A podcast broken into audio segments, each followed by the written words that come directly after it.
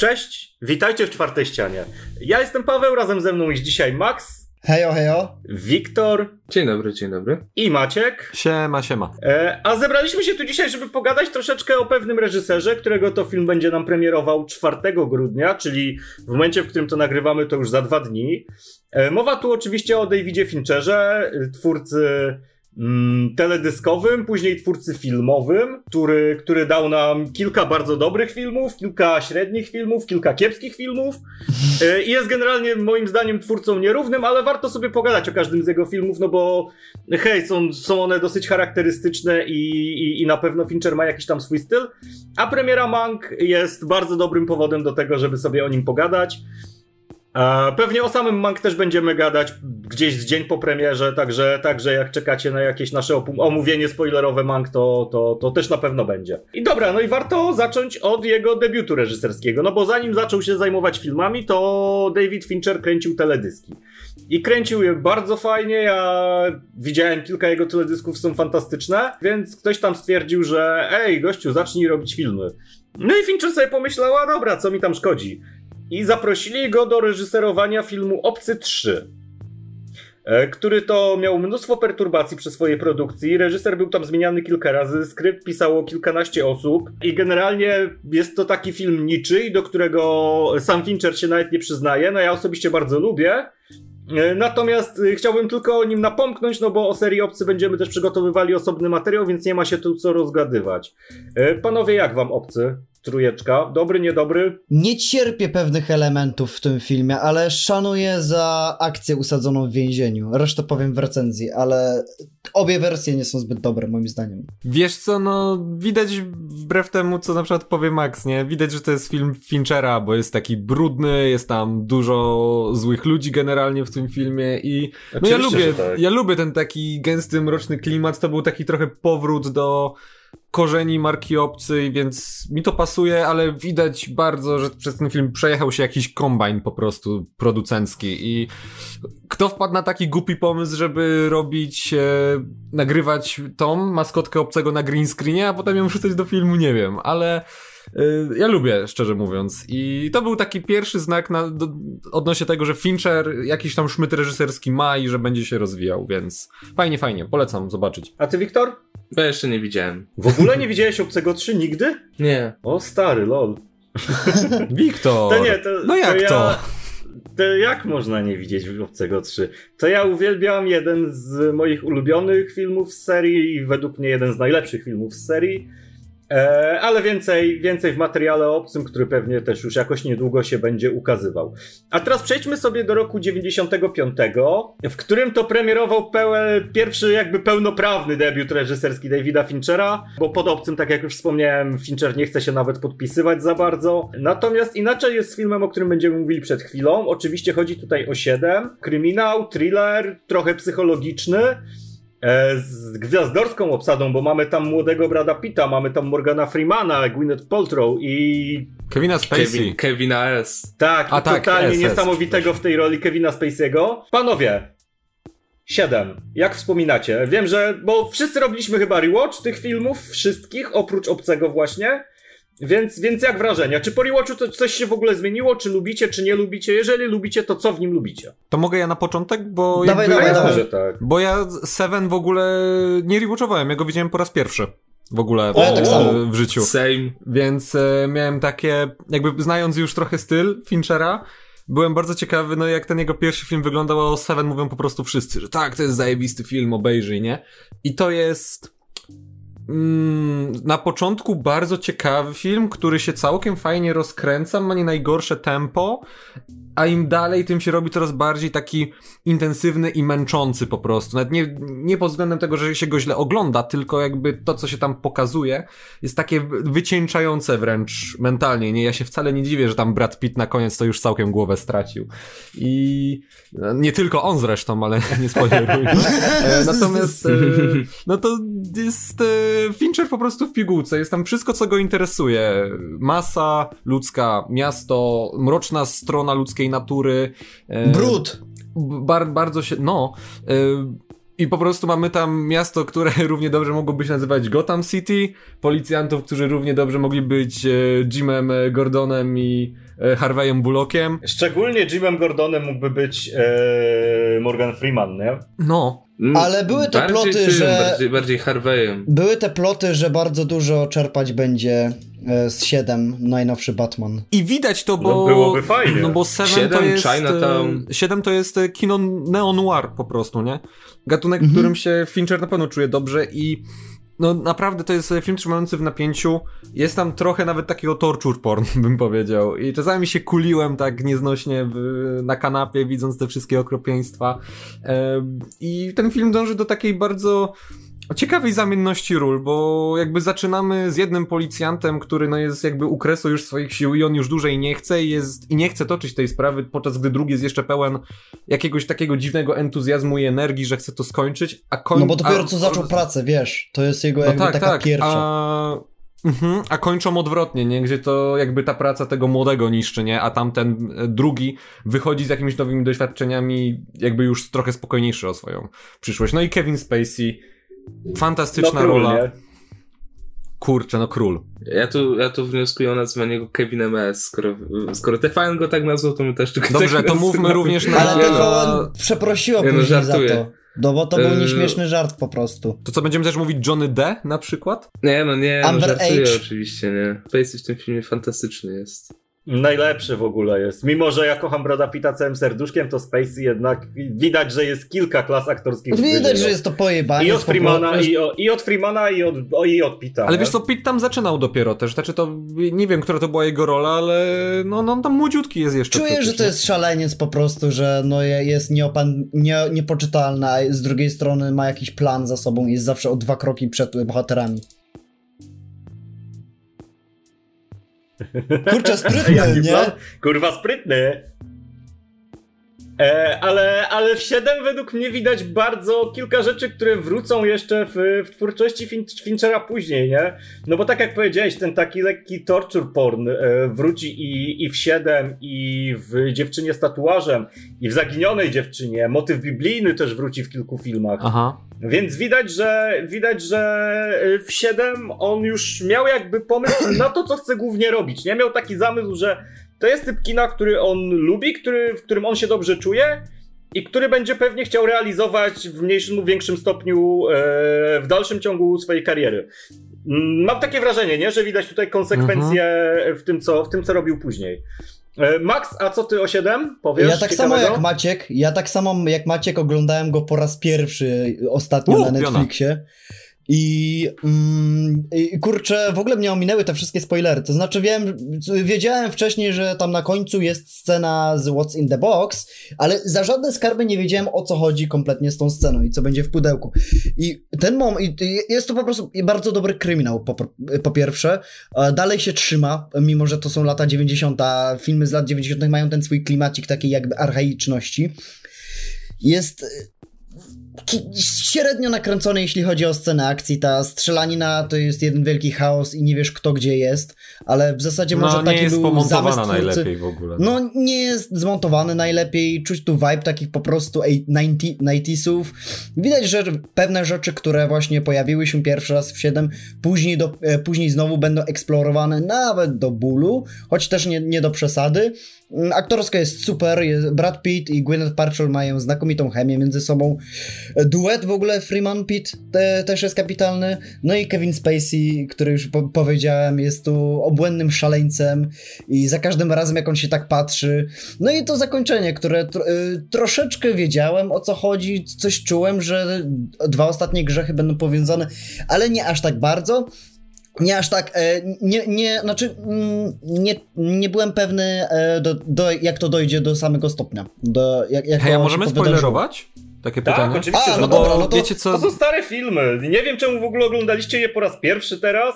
Dla mnie to jest niepojęte, jak można było wcześniej nie znać tych filmów, ale okej. Spoilerujemy, oczywiście, że spoilerujemy. To są, to są filmy z No to ja, dosyć no to stare, wiesz no co, no to ja, Zaginionej dziewczyny jakby, nie? No bo to, to jest no to jest jeszcze nie, no to wiesz co, no to znaczy ja nowy, na no, samym początku Kilka, kilka myślałem, lat ma ten film. Ja nie? na samym początku jeszcze myślałem, że zazdrość to będzie właśnie z e, Pita, a właśnie mm, gniew to będzie właśnie od strony y, Freemana.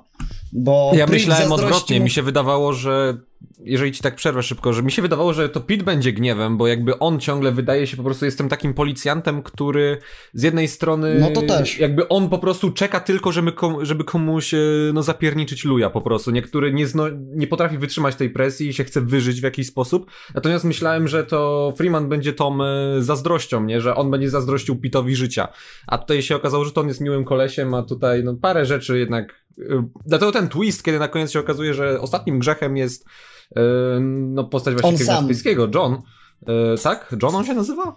John Doe. John Doe. John Doe, no. To no miałem lekki zaskok wtedy i myślałem, że raczej ten film mnie nie będzie zaskakiwał, ale jest tutaj parę takich ładnych twiścików, które nawet działają, że nie, nie masz takiego wrażenia, że to się nie układało w całość wcześniej. What's in the box? What's in the box? Ale kurczę, ten, e, ten acting e, Pita, ten taki złamiącym się głosem, gdzie on już przeczuwa, co się, co, co nadejdzie. On już może przeczuwać, e, wypis, On, widać, już, że zna... on ma tą panikę w sobie. Ta No. panika z niego wychodzi, ale stara się jeszcze jakoś opanować, tym takim ale już widzisz, że on panikuje. głosem. Wiesz, nawet, nawet nie panika, nawet bardziej bym powiedział, że coś w stronę szaleństwa, nie? No ale przegrywa po prostu, no. Przegrywa z y, Johnem Doe. No tak, ja mam tutaj pewien minus, który też później w następnych filmach pojawia się. E, To taka pierdóła, ale mianowicie, no. Nie pamiętam imion bohaterów filmów Finchera, poza Tylerem i narratorem i Benjaminem Batonem, bo to jest tytułowa. Jakby większość bohaterów, które No i pojawiają... poza y, Markiem Cukiergórą, nie? I Mhm. Paul No, Avery. o, właśnie, po, no i Lisbeth, ale to są bohaterowie y, Larsona, więc to, to się akurat nie liczy. Po prostu nie, zapobie- nie No i. Emi, nie? Z Zaginionej Dziewczyny, też pamiętasz. No Znaczy, to tak, ja to, to akurat... To Nick akurat Dunn. to, Nie! ale reszta, reszta to tak. to nie jest jakiś wielki minus, ale po prostu trochę mi to zgrzytało, że cały czas mówimy, nie wiem, nie mówimy po imieniu, tylko o Brad Pitt, o y, tutaj super była ta postać grana przez Morgana Freemana, ale nigdy jakoś nie skupiliśmy się na e, imionach.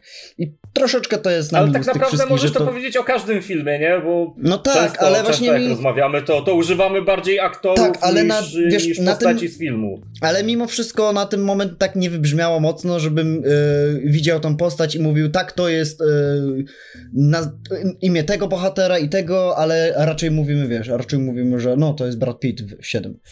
Jakby to, to nie jest aż tak duża wada, bo e, Seven jest e, znakomitym filmem, który się trzyma po latach. No, ja też pierwszy raz obejrzałem, bo miałem tak Boże, przez... ludzie, co jest z wami nie tak? Miałem tak, że... Ale mnie że jak, spoilery w ogóle e, ominęły. Zobaczył... No mnie też, ja też nie i wiedziałem dobrze. what's in the box. What's W in the box? Zabierałem się do siódemki tak jak pies do jeża. Najpierw sobie puściłem. Po pół godziny, 40 minutach jakoś mnie to zniechęciło, nie wiem czemu. E, Potem zaraz jak ten tego gościa, co był ym, przedstawieniem grzechu łakomstwa, to jakoś potem mnie to zniechęciło. Ostatnio sobie właśnie puściłem to tak, y, w ciągu, bez przerywania, siadłem, skupiłem się i mnie wciągnęło ale dalej jakoś, yy, w sensie to jest bardzo dobry film, tylko dalej jakby czuję, że mogli zrobić z tego, że Fincher mógł z tego zrobić coś więcej, ale i tak efekt końcowy jakby jest yy, satysfakcjonujący, zadowalający, bo no jak yy, widz ogląda, no to ma poczucie, że jednak coś tam się kryje, coś na końcu będzie jakiś plot twist.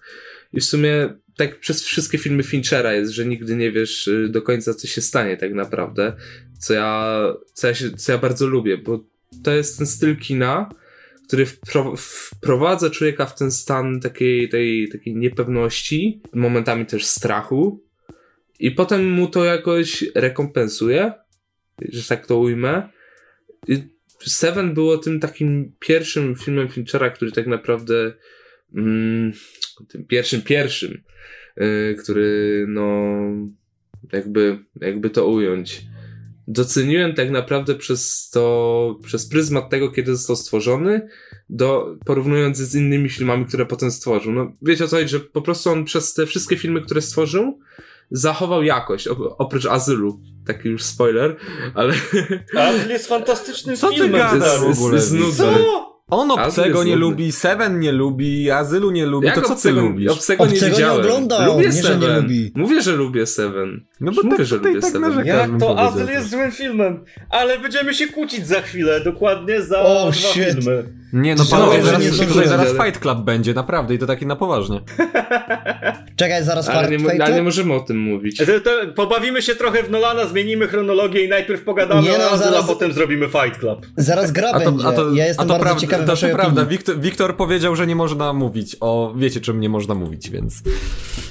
No. Więc cicho, nie, nie podajemy A nie. Seven jest fantastyczne, tylko jednak czuję, ja tak czuję, że mógł tam coś więcej, czegoś mi tam jednak brakuje, takiej, takiej jednej nutki, że tak to ujmę, Te, tej jednej kropki nad im brakuje, że tak to ujmę. To nie, to ja y, w 7 oglądałem pierwszy raz pewnie gdzieś w okolicach 2005-2006 roku, mniej więcej taki, taki, to był, taki to był czas, kiedy zaczynałem tak naprawdę interesować się jakoś bardziej kinem. E, I po pierwszym oglądaniu pamiętam, że ten film zrobił na mnie ogromne wrażenie. I po tych wszystkich latach nie stracił nic. Dalej jest kapitalny, dalej jest niesamowicie oryginalnym jakby pomysłem w ogóle na stworzenie kryminału. E, Dalej jest świetnie napisany scenariuszowo i te postacie są fajnie zbudowane, relacje i jakby profile psychologiczne. Szczególnie Kevina Spacey'ego, zboże takie złoto. Jest fantastycznie nagrany, trzyma w napięciu niemiłosiernie, fajnie i ja siedziałem nawet teraz w niedzielę robiąc rewatch, e, siedziałem na, na krańcu kanapy i mimo, że doskonale wiem jak ten film się skończy, to, to pochłonął mnie jakby bez reszty i Czułem się tak, jakbym go oglądał pierwszy raz, więc e, no dla mnie to był bardzo dobry start, jeżeli chodzi o twórczość Finchera. E, I tak naprawdę po 7 zacząłem interesować się nim jako reżyserem, więc no good for me jakby. Ogólnie, jeżeli, jeżeli miałbym powiedzieć, e, co w 7 wypadło najlepiej, to według mnie ta tem- tematyka religijna, tematyka grzechów głównych, e, i zabójstw na podstawie grzechów, w- bo nie było to w ogóle poruszane z tego, co ja się orientuję w, w kinematografii przed 7.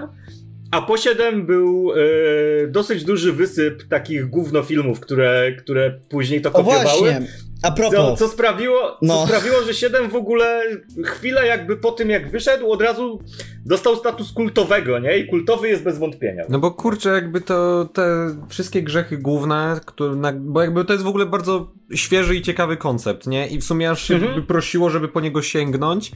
E, i, ale jest jeszcze inna rzecz, e, która mi tutaj akurat bardzo leży, bo mamy ten. E, dzisiaj się już wydaje, że dość oklepaną kliszę, gdzie jest e, dwójka policjantów, stary i młody, nie? Jeden kończy, drugi zaczyna. I mieliśmy to już po prostu wszędzie. I tylko nie wiem, czy u Finchera to było jako pierwsze. Musiałbym się może popytać kogoś starszego Nie, ode mnie. nie, nie, Na pewno nie. to jest starszy motyw, ale akurat Fincher go tak ładnie wyeksploatował, że wycisnął z niego wszystkie możliwe soki i nie wiem, czy To da się prawda. więcej po prostu, no. E, więc i potem też mieliśmy całą masę podobnych klisz i to już nie było takie dobre, no umówmy się. No wiesz, no zawsze jak ktoś coś zrobi bardzo dobrze, to ciężko to później przebić, nie? No według mnie samego tego konceptu e, kryminału biblijnego do tej pory nie udało się przebić chyba nikomu. a oglądaliście polskie nasze 7? E, Czyli? Czyli Plagi Breslau. No O Boże. Jezus. ma... A ten znowu, a Ma, ten Max, znowu, Max kurwa, zawsze się wpierdala z jakimś chujowym mm, czymś, czego nikt nie Ale rozumie. proszę nie przeklinać. Cichutko, panowie, za- Fincher Boży jest. tak się, Święta tak, Boże są. Retrospektywa wytnie. Boża. Dziecko w łóżku śpi. O, retrospektywa Boża jest. No Jak to retrospektywa Boża, to będzie jak będziemy te filmy na, na święta Na święta. Ja na święta nie robię żadnych, ja nienawidzę świąt. Tfu. O ty. A mieliśmy robić. Co, co, co, no to? Paweł, Paweł jest proponował? bardzo smutnym człowiekiem. Kto My sami najlepsze filmy na święta? Myślę, że gadanie o 7 moglibyśmy tutaj skończyć i przejść do następnego filmu. Do filmu, który powstał dwa lata później, e, który też jest swego rodzaju thrillerem psychologicznym. Chodzi oczywiście o grę z 97 Oj, tak. roku Ojej. i jeden z w ogóle z najlepszych filmów chyba Finchera. Jak nie tak najlepszy. Już, tak już spoilerując, ze świetnym Michaelem Douglasem w głównej roli, pokazujący tak naprawdę, nie chcę zabrzmieć źle, ale monotonię życia na początku, a później przechodzący w naprawdę trzymającym w napięciu thriller. Ja osobiście bardzo lubię, jak z wami? Nie, no dobra, ale w kontekście The Game ja powiem jakby trochę krócej, bo bardzo, jakby jest dużo tych filmów, a fajnie byłoby pogadać o wszystkich. E, ja na Game patrzę w ten sposób, pamiętacie jak w e, The Cube był ten jeden gość, który e, prowadził bardzo nudne, monotonne życie, tam tylko wiecie, praca, dom, jedzenie, praca, dom, jedzenie, nie? I potem wylądował w tej kostce, bał się z tej kostki wyjść, bo wiedział, że wróci do tego życia. I tutaj też masz właśnie jakby gościa, który zaczyna w takiej strasznej monotonii, a potem jego życie się zmienia o 180 stopni i e, no kurczę, też świetny film, też trzymający w napięciu, ale akurat e, Fincher ma dużo lepsze, to znaczy ma takie bardziej, które lepiej zapamiętałem, bo to mógłby wyreżyserować w sumie kto inny, i jakby w OK byłoby to pozbawione te, tego brudnego stylu. Zack Snyder mógłby wyreżyserować. Znaczy to wtedy miałbyś film, który na pewno byłby dużo ładniejszy i on byłby przestylizowany mocno i mógłby mieć problem z dialogami, a tutaj to nawet wypala. E, no tylko mówię, jakby nie utkwił mi w pamięci jakby po, nawet po rewatchu, aż tak bardzo jak e, no chociażby Azyl, o którym będziemy za niedługo mówić. E, Azyl jest taką fajniejszą wersją The Game, jeśli mam być szczery. Kurczę, ja tam nie widzę zbyt dużo punktów jakby wspólnych między Azylem a Nie, nie, nie w tym ale... sensie, że są podobne, nie tylko chodzi mi po prostu o to, że e, no też pokazuje jakby osoby, które w jednej chwili znajdują się w, komple w kompletnie innej sytuacji po prostu, nie? I... Tak, w sumie tak, no. Zgadzam się. I życie jest zagrożone, więc e, no trzeba działać po prostu i zrezygnować z jakiejś swojej strefy komfortu, wyjść i może trochę nawet ubrudzić sobie ręce, ale to za chwilę. Tak, w ogóle, w ogóle wiesz, w The Game yy znowu działa to, co, co ja bardzo polubiłem w 7, czyli portret psychologiczny, nie? Głównego bohatera. Mhm. No to jest fantastycznie napisana postać. Naprawdę fantastycznie. Do tego sama operatorka i jakby prowadzenie aktorów to buduje niesamowity klimat i takie napięcie, że mimo, że w tym filmie tak w gruncie rzeczy nic wielkiego się nie dzieje, nie jest jakiś super dynamiczny, nie ma jakiejś wielkiej, nie wiem, stawki, to, to, to siedzisz jak na szpilkach, nie? Bo, bo nie wiesz, co się zaraz stanie. Ale w ogóle game, The Game to jest chyba jedno z bardziej zapomnianych dzieł Finchera. Jakby przez to, że potem powychodziło dużo takich różnorodniejszych, to e, on tam został gdzieś Różnorodniejszych no. i większych filmów, tak, nie? no. E, dobra, a ty Max, co o The Game? O co w tym zakończeniu? jak dla... E, widzę tu bardzo dużo takiej inspiracji Alfredem Hitchcockiem jakby mm, bardzo dużo takich odniesień też do północ-północny zachód i postaci e, Douglasa z e, George'em Kaplanem w wspomnianym filmie. Dużo jest tutaj też takich tropów, jakie robił nasz Hitchcock i jest to bardzo, chyba najbardziej oryginalny film Finchera, szczególnie z tym swoim zakończeniem. To jest taki o, o, pokonaniu swojej rutyny, o tym, że no w zasadzie bogaci też płaczą. O to chodzi. Te, o, znaczy, ja to tak odebrałem. Że no, jakimś najlepszym lekarstwem na rutynę jest no. Y, lekarstwem prostu, na życie.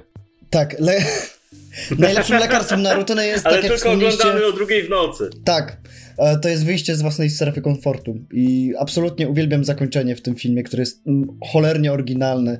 I ja bym w sumie zatrzymał tę nutę po tym, jak e, zabija niby tego brata, a i, i sam skacze. To było takie ładnie symboliczne. Ale, do, ale Fincher postanawia... Właśnie to dalej jest symboliczne. Wiesz, ale Fincher postanawia dalej e, podkręcić śrubę i pokazuje, że tak naprawdę to i tak dalej wszystko było zaplanowane od początku no właśnie, do końca. A, ty, no, ty, ty no. płaskoziemco. No. Co kurwa płaskoziemco? Właśnie e, ja teraz przejdę już do swojej opinii, jeśli pozwolisz. Dawaj, dawaj. Czemu płaskoziemco? Bo... Ja nie rozumiem. Bo, bo teraz y, moja teoria wleci na obalenie jego teorii płaskoziem, płaskoziemczości. Ale ja nie jestem płaskoziemcą. Że ten, Ale co ma jeśli chodzi o zakończenie, że mi się wydaje, że on y, tak naprawdę umarł. I to, że on ląduje w tym, na tym materacu powiedzmy, tej amortyzacji, to już właśnie jest po śmierci, gdy jakby on trafia do tego świata już y, po śmierci, gdzie mu się wydaje, jak, jakby to wszystko się potoczyło, że jednak y, on przeżył, jego brat też, jakby się to dalej potoczyło, a w rzeczywistości on umarł. I dopiero po śmierci on jakby mógł yy, zmienić to swoje życie. Że tak to ujmę. W sensie wiecie o co chodzi, no że za życia był taki jaki był, się nie zmienił zawczasu i tak naprawdę dopiero śmierć jego brata skłoniła go do samobójstwa i sprawiła, że jednak on no, no popełnił to samobójstwo i nie wiem, czy do nieba trafił, czy do czysta, czy gdzie i jednak tam to jakby to nowe życie y, to prawidłowe, którego chciał jego brat, którego w ogóle Sean Penn tak super tam wypada. W sensie jak nie Sean Penn. W ogóle taka rola specyficzna dosyć. y, No, zaczynasz go relacja- lubić od razu jak wbija. tak, jak od razu. Ja nawet nie wiedziałem, że Sean Penn tam gra. Ja teraz zobaczę, kurde, Sean Penn gra brata Michaela Douglasa, dobra, już to kupiłem, nie? 10 na 10 z serduszkiem. 10 na 10, dokładnie. Nie no, to też jest taka przestroga. Uważaj, co podpisujesz. dokładnie. Dokładnie.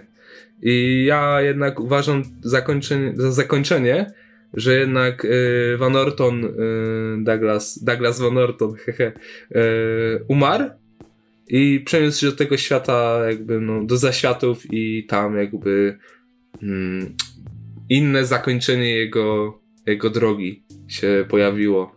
I właśnie on tam y, z tą, mm, z Christine, tak? Jej imię Christine było? Jakoś Tak. chyba. Tak, No tak, i właśnie tam z Christine mógł być, yy, Sean Penn przeżył, yy, wszystko się udało i okazało się, że to jednak był jeden wielki plan, a tak naprawdę że w rzeczywistości on umarł i zabił swojego brata. No to też jest ciekawa, jakaś ciekawa interpretacja, no. Nie takie głupie, dosyć fajna interpretacja. Znowu No, wychodzi religi... co- znowu- wychodzi fascynacja Finchera religią w jakiś sposób, nie? Dokładnie. No nie, nie pierwszy, nie ostatni raz, Mhm. nie? No, No, a nie wiem, czy Fincher w ogóle jest wierzący, ale, ale pewnie tak. Po jego filmach można wnioskować, że tak. Ale że gdyby ma nie, to jeszcze w ogóle Jakieś wtedy to było... zastrzeżenia jakby do, do dogmatów wiary katolickiej troszeczkę, nie? No, a Bo te filmy wyglądają tak, moim zdaniem, jakby on wierzył, ale nie zgadzał się ze wszystkim i, i w swoich filmach jakby punktował te rzeczy, które, które mu nie pasują. Dokładnie. A co do samej fabuły, no to tak już krótko powiem, że fabuła jest tak rewelacyjnie napisana. Już od początku mamy mm, jakby pokazane, że Douglas jest tym introwertykiem, ale już takim, już tak mega wycofanym ze społeczeństwa, że on te, w ogóle z ludźmi nie lubi przesiadywać, że on lubi tylko swoje towarzystwo i, no i swojego brata. Akurat sw- ze swoim bratem lubi się spotykać, co akurat nie jest dziwne, bo y, tak już y, widać tu zafascynowanie psychologią Finchera też, że introwertycy za bardzo e, z rodziną lubią przebywać, ale raczej już z obcymi nie, co, co, logiczne jest w sumie. I potem jak zaczyna się ta cała akcja z podpisywaniem tych, y, w sensie z tym prezentem dla Douglasa, z tą całą akcją z niby z tym fałszowaniem konta i tak dalej, co tam potem mamy, ty od momentu, kiedy on mu powiedział, że to zajmie max godzinkę i on to robił już 5 godzin, to człowiek już wie, że coś jest nie tak. I on przez aż do końca filmu wie, że coś jest nie tak. Od momentu, kiedy Douglas wraca do domu, od momentu, kiedy ma powiedziane, że, no, że będzie znajdował te klucze. W ogóle on tylko dwa klucze znalazł. W sensie dostał jeden, a drugi to była ta wajcha do, do okna w taksówce i tyle. Ja myślałem, że oni więcej tego, dadzą tych więcej tych kluczy, że to będzie coś jak w szklanej pułapce, że yy, musisz zebra, otworzyć wszystkie skrzynki, żeby bomba nie wybuchło, czy coś. Wiecie, ale nie. Mm, fabuła jest tak pięknie prowadzona. W ogóle przez moment, tylko przez krótki moment, jak ym, mu Christine powiedziała, że to jest, że to wszystko oszustwo bankowe, to ja przez chwilę dałem się nabrać na to. Ale jednak po tym, jak yy, zobaczyłem tego typu, że ten typ w zoo jest z tymi dziećmi, to jednak coś mi tam z tyłu głowy nie grało, że, że jednak to ma drugie dno. I tak Fincher powodował, że z, coraz, z każdą sceną miałem coraz większy mindfuck, coraz głębiej, coraz głębiej, coraz głębiej i już sam do końca nie wiedziałem, co jest tak naprawdę prawdą. Tak, no w tym filmie łatwo się pogubić. To, to na pewno nie jest, wiesz, film, który obejrzysz sobie, jak nie masz co robić, e, kiedy ci się nudzi, czy coś. No, dokładnie. Tak nawet, To jest film, do którego musisz usiąść z odpowiednim nastrojem, e, takim, wiesz, mentalnym i się nim rozkoszować i wyłapywać te, te, te, te niuanse, nie? Które nam e, Fincher podrzuca jako takie wskazówki. Dokładnie. Dobrze, moi, moi drodzy, mm, teraz musimy troszeczkę e, być niegrzecznymi chłopcami i złamać co najmniej dwie zasady. E, Pierwszą zasadę, czyli nie rozmawiajcie o Fight Clubie i drugą zasadę, która brzmi też nie rozmawiajcie o Fight Clubie. A będziemy rozmawiać oczywiście o Fight Clubie, czyli o chyba najgłośniejszym filmie Finchera jak do tej pory, o takim najbardziej kultowym, najbardziej zapamiętanym. I rozpoznawalnym e, najbardziej. I rozpoznawalnym też, jasne. E, film jest z 1999 roku, e, którego to scenariusz bazował na powieści Chucka Palaniuka o tym samym tytule. Swoją drogą książka jeszcze lepsza niż film. A film moim zdaniem fantastyczny. Niesamowicie poprowadzony narracyjnie, niesamowicie inteligentny w swojej głupocie. E, dosyć efektowny, bardzo sprawnie wyreżyserowany, no i znowu mamy tutaj coś, co Fincher pokazuje, że umie robić, czyli prowadzenie aktorów, bo Edward Norton i Brad Pitt i hmm. Helen Bonham Carter. Znaczy, Nawet stary, ta, wiesz, Edward, Edward, Norton to on się prowadzi sam generalnie we wszystkich swoich filmach. On nie potrzebuje reżysera. Dobra, to idź obejrzyj jeszcze raz tego e, Incredible Hulka. Dobra, cofam, niech będzie, niech będzie. To był, ale to był wypadek przy pracy. Jakby Fincher ci zrobił takiego dobrego Hulka, żebyś się posrał, naprawdę. Cytując jednego z takich internetowych buców, nie wiem, idź się napij wody, czy pobiegaj, czy coś, kto ma wiedzieć, ten wie. No, no, no. E, nie. E, więc niesamowicie, więc nie... Uf, uf. Zamówcie sobie pizzę. Więc niesamowicie, niesamowicie tutaj e, Fincher prowadzi bohaterów. E, bardzo fajnie adaptuje powieść, dodając tam troszeczkę nowych rzeczy, troszeczkę odejmując, troszeczkę dodając. E, co, co, co, co sprawia jakby, że ten film jest niesamowicie oryginalny, nie? Mm, sam plot twist końcowy na początku za pierwszym czy drugim obejrzeniem jakby robił u mnie ogromny efekt wow. Natomiast teraz przy rewatchu, no tego efektu wow nie było aż tak. Natomiast moja ocena, mój odbiór się w ogóle nie zmienił. E, tego filmu dalej uważam, że to jest rzecz fantastyczna. Dalej uważam, że to jest kino przez duże K i, i, i rzecz kultowa, którą każdy powinien znać. E, przez to, jak jest, budowany, jak jest budowane napięcie, jak są budowane postacie, jak to wszystko fantastycznie wygląda, jak jest fajnie napisane. Mm, nie wiem, jakie jest wasze, wasze zdanie, bo wiem, że ten film ma tyle samo zwolenników, co przeciwników i dużo ludzi Fight Clubu nie lubi, bo stwierdza, że on jest aż za bardzo. I ja lubię to przegięcie, bo ono bardzo pasuje w tym filmie, nie? Bo on jest przegięty i trzeba to powiedzieć. Eee, chciałbym zapytać, jak, jak, wy się, jak wy się zapatrujecie na Fight Club? Ja rozumiem obie strony, to znaczy ja bardzo lubię Fight Club, ale rozumiem też te zarzuty, że to jest taki pseudointelektualny film, że to jest bardziej o, bardziej film nastawiony na efektowność niż na to, co chce powiedzieć, albo też taki mm, film robiący za bardzo, albo udający wręcz, że jest y, czymś więcej efektowny, że wow, a Fight Club to jest y, świetny film, bo bo, bo mówi o życiu, albo bo mówi o proanarchistycznych wartościach. I Żyjemy w społeczeństwie. Tak, ale moim zdaniem, moim zdaniem e, żyjemy już chyba w takim erze, że moda na hejtowanie Fight Clubu troszeczkę ucichła i minęła. I bardzo dobrze, bo sam film w sobie e, przyciąga mnie taką przegiętością, to co Paweł powiedziałeś. Jakby ma bardzo dużo kultowych rzeczy i nawet po rewatchu ten film jest bardzo, bardzo dobry. To znaczy dalej świetnie się go ogląda, odkrywając co rusz kolejne karty, bo na przykład, nie wiem czy zauważyliście, jest y, jak dostajemy ten już reveal, że no narrator i Taylor to jedna osoba, to mimo wszystko za kolejnym oglądaniem widzisz, że już Fincher wcześniej chciał ci to powiedzieć i podpowiedzieć. Jak na przykład Tyler jest bity, to o, gdzieś tam z tyłu kadru ten sam e, cios obrywa właśnie i narrator. To znaczy też te, tak się odsuwa, dokładnie tak samo jakby dostał e, Tyler.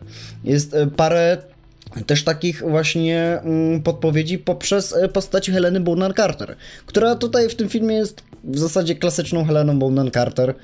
E, bardzo przypomina... No nie, według mnie przypomina mi nie, ona się bardziej, bardzo wyróżnia. Ale super jest, przypomina mi w ogóle taką tą figurę z Killera, taką o, myślę o tobie, Tyler i tak dalej, ale z drugiej strony... PKS. Tak. ale z drugiej Może strony jajka świet... się usmażyć. Cycki se usmaż. Ale z drugiej strony jest świetna i urocza w tym filmie. I samo zakończenie, że poznałaś mnie w najdziwniejszym okresie mojego życia jest najlepszym podsumowaniem tego filmu. To jest też taki troszeczkę feel good movie dla takich ludzi, którzy chcą się, mm, lubią coś więcej, lubią taki, chcą się poczuć o dowartościowanie oglądając coś, co nie tylko będzie rozrywką, a miało jakieś tam mm, przebłyski reżysera.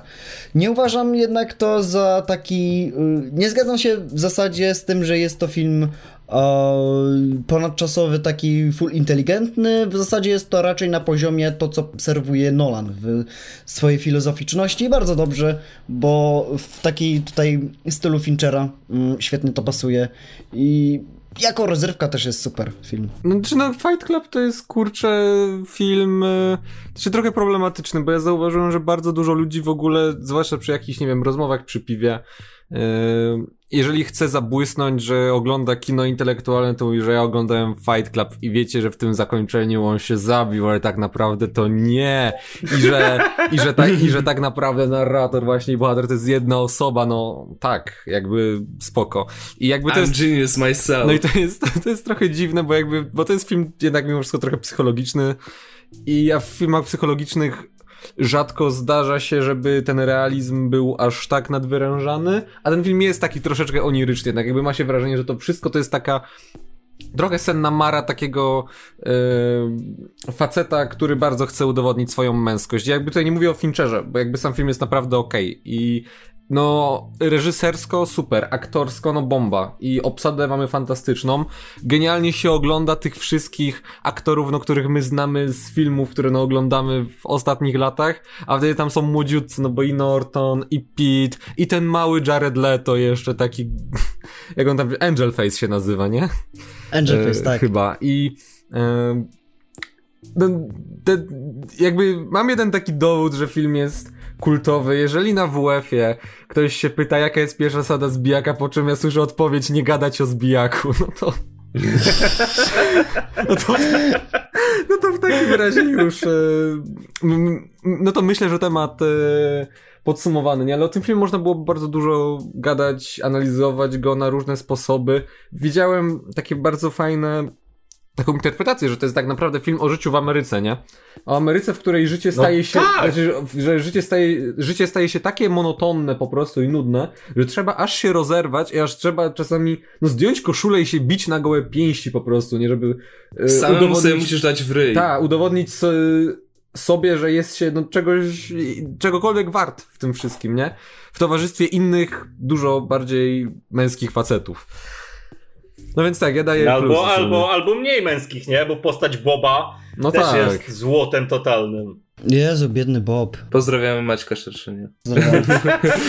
Bob wita Moasy, a Moasa wita Boba. Bobby. Fight Club to był tak naprawdę pierwszy film Finchera, który obejrzałem i zachwycił mnie pod wieloma względami, bo ja jeszcze nie znałem Finchera od tej strony mindfuckowej, że tak to ujmę i nie spodziewałem się takiego narracyjnego zabiegu, he, he, he.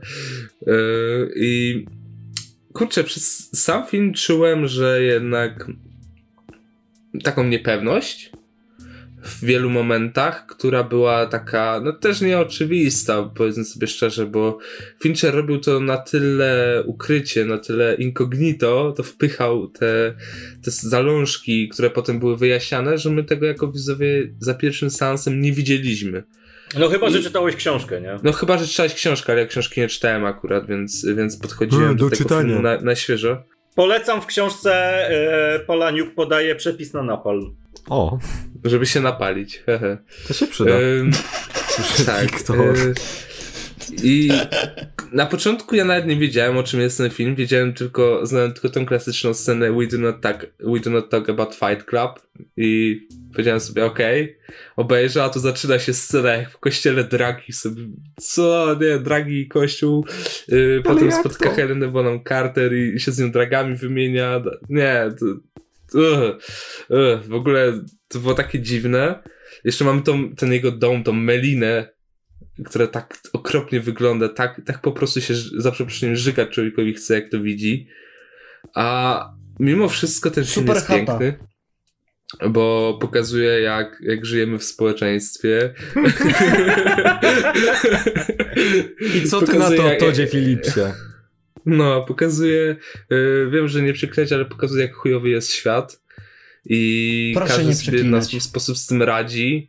Niektórzy chodzą na terapię, niektórzy właśnie tworzą sobie alter ego jak y, nasz narrator. He, już taki spoiler. I kurczę, to wypada super, no bo jednak każdy człowiek jakoś się na swój sposób z tym utożsamia, jednak widzi jakąś cząstkę siebie w tym. Na, Jasne, nawet że jeśli... tak, no, kto, kto nie miał jakby wizji siebie, tylko że bardziej cool, to, to, to niech pierwszy rzuci kamieniem.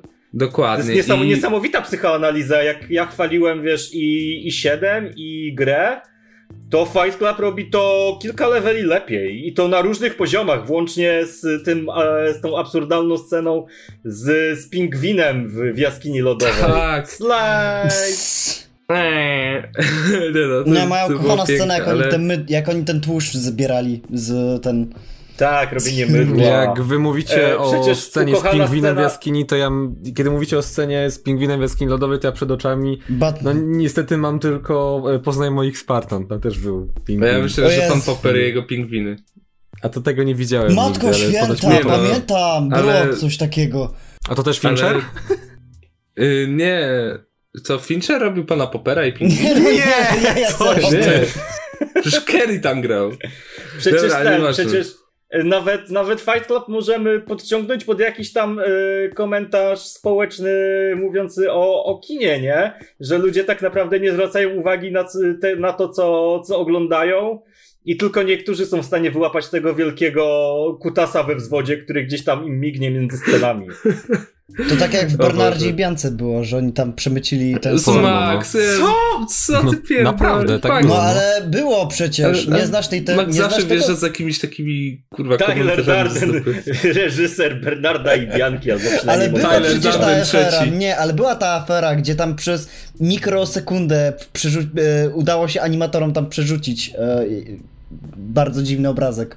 Jednoznacznie. Wiecie, e, nie wiem, czy sobie zdajecie sprawę w ogóle, ale kojarzycie taki znakomity film jak e, The Room? Na przykład? To nie wiem. No, z Brie Larson? do, do, dopiero niedawno doszedłem do wniosku. Ten Polak go robił, nie? No, no, no. Dopiero niedawno doszedłem do wniosku, że e, jakby no Tom, Tommy Wiseau kręcąc scenę samobójstwa Johnego w swoim filmie, no skopiował po prostu scenę z Fight Clubu, bo w The Room też sobie główny bohater strzela w usta, ale chwilę później jakby wszystko jest okej. Okay. Więc... No, no tylko sobie przestrzeli wujek kawałek twarzy jakby. Who cares? No, sobie strzela i potem oh, hi Mark. Nie no. Lisa, why, why, Lisa, why?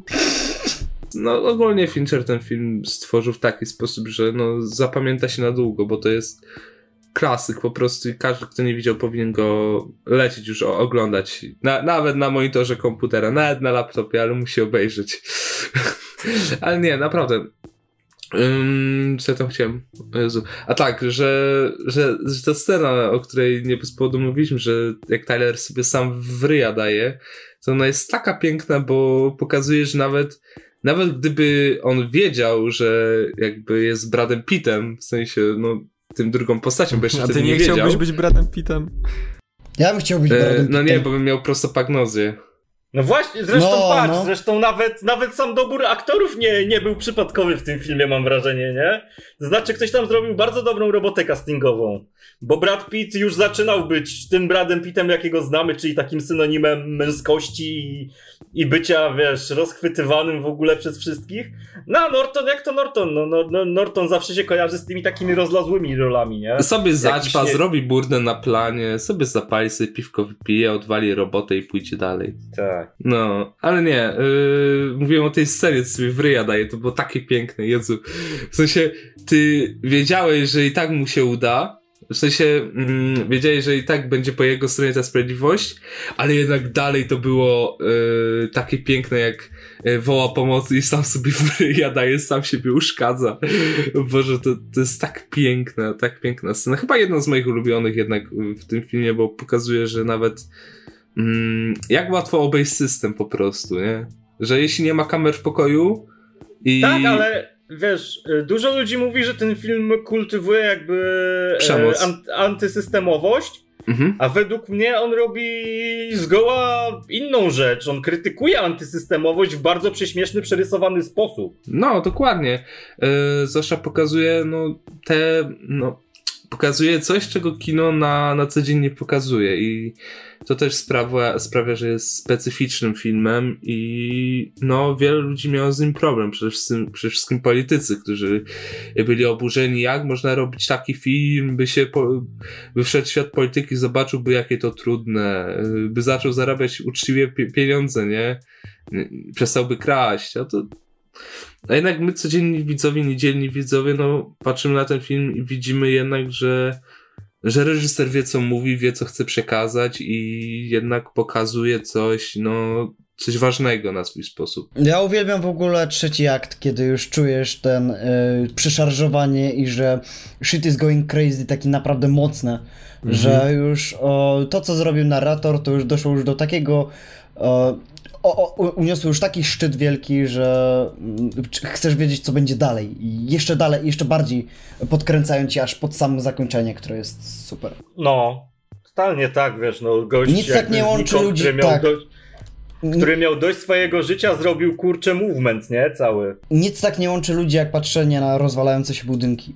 W ogóle ta końcówka, gdzie on sobie stoi e, razem z e, Helen Bonham Carter. Jest takie piękne, może uwielbiam. I te wieżowce się walą. Cudo. Cudo, naprawdę Mówię, kocham cudo. to zakończenie, tak. To, Todd Phillips się to, Todd Phillips się wzruszył i zaadoptował to w Jokerze. Proszę nie no, obrażać. Todd Phillips to, no. Todd Phillips to niech się uczy tak naprawdę od Finchera. Nie obrażajcie zrobiłby... mi Todda Phillipsa, bo on odpowiada za najlepszą Fin Fincher jak oglądał Jokera to Dobra, płakał. ale to, nie, to niech zrobi tego. Niech e, dalej robi sobie Phillips komedię, natomiast Fincher zrobiłby ci dużo lepszego Jokera. Nie wiem, czy wy widzieliście ten e, komentarz, który Fincher dał odnośnie właśnie Jokera ostatnio, bo no wiadomo, film wrócił i Fincher A, powiedział, tak. że no jakby on sobie nigdy nie wyobrażał, że ktoś e, weźmie Taxi Drivera, króla komedii, e, zmiksuje to, doda do tego zdradę osób e, niepełnosprawnych psychicznie i wypuści film, który zarobi miliard dolarów. I no więc. No ja się nie zgadzam, ja będę bronił Jokera. Ja bardzo lubię ten film. Żyjemy w społeczeństwie. Mimo, e, mimo, dobra, że on traci, mimo, że on traci jakby z każdym oglądaniem. A Fight Club zyskuje na przykład w drugą stronę, więc no. Jak, jak będziemy się publicznie spotykać, to nie wkurzajmy Paweł, bo dostaniemy to na co zasługujemy. No. Będziemy się bić. Wybaczcie ten niepohamowany atak śmiechu, to po prostu taka moja mała przypadłość. you got what you fucking deserve. Dobrze, dobrze. E, teraz przenieśmy się kilka lat do przodu. E, bo aż do, trzy, do młodej Jodie Foster. Bo aż trzy lata minęły od czasów Fight Cluba do kolejnego filmu Finchera. I moim zdaniem widać, że Fincher przez te trzy lata nie próżnował, tylko dopracowywał to sobie wszystko. E, I pogadajmy sobie o Azylu. O filmie, który rozgrywa się tak naprawdę na jednej bardzo wąskiej przestrzeni gdzie operatorka jest w ogóle dla mnie czymś niesamowitym, żeby pokazywać. To jest coś, coś w stylu symetrii polskiej, o której też gadaliśmy przed chwilą. To znaczy, operatorka y, pokazuje tak naprawdę kilka, kilka bardzo ciasnych pomieszczeń, ale w taki sposób, że żadne kadry się nie powtarzają. To jest moim zdaniem bardzo duża sztuka. E, to jest film, w którym mamy Kristen Stewart, która jest dzieckiem, i mamy młodą Judy Foster i młodego Foresta Whitakera i młodego Jareda Leto.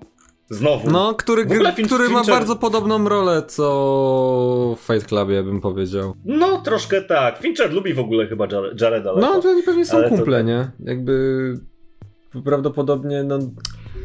Jared by chciał, żeby to Fincher go wyreżyserował w tym Suicide Squadzie, żeby dał mu jakieś fajne kwestie czy coś, ale no się nie udało, no. No. Ale azyl, okej, okay, wracajmy, no już nie odbijamy. Azyl, wracamy do azylu. A o czym jest azyl? Ano jest o tym, że kobieta z córką po rozwodzie szukają sobie domu.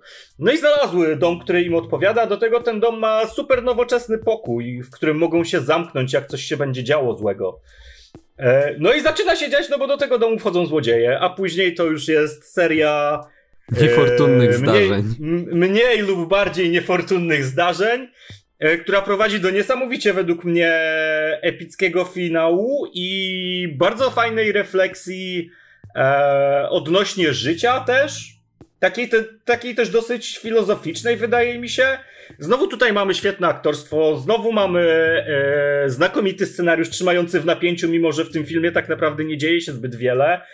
E, znowu mamy kilka ikonicznych scen i, i, i właśnie ten finał, nie wiem czy można spoilerować, kiedy to złodziej e, wraca, żeby pomóc okradanej przez siebie kobiecie. No, i... zaspoilerowaliśmy Fight Club, zaspoilerowaliśmy Seven, no, no to myślę... Tym bardziej, że, a, ale wiesz, Azyl jest na tyle niedocenionym i mało znanym wśród filmów Finchera, tak mi się wydaje, że, że, że, że, że sporo osób nie mo mogło go nie oglądać. No jest mimo wszystko jednym z lepszych, bo to po, primo, że to jest Fincher w pigułce, bo jest tam wszystko, co go interesuje, to jest tam, e, akurat mi bardzo podpadł do gustu, przypadł do gustu, bo e, jest tam coś, co interesuje również mnie, czyli to, jak e, człowiek zaczyna się zachowywać po pierwsze w sytuacji zagrożenia, po drugie w sytuacji, kiedy czuje jakąś władzę nad drugim człowiekiem, nie? Czuje, ma po, tak, i ma w bardzo, w bardzo sterylnych warunkach, Tak, nie? dokładnie, kiedy jakby nikt nie patrzy.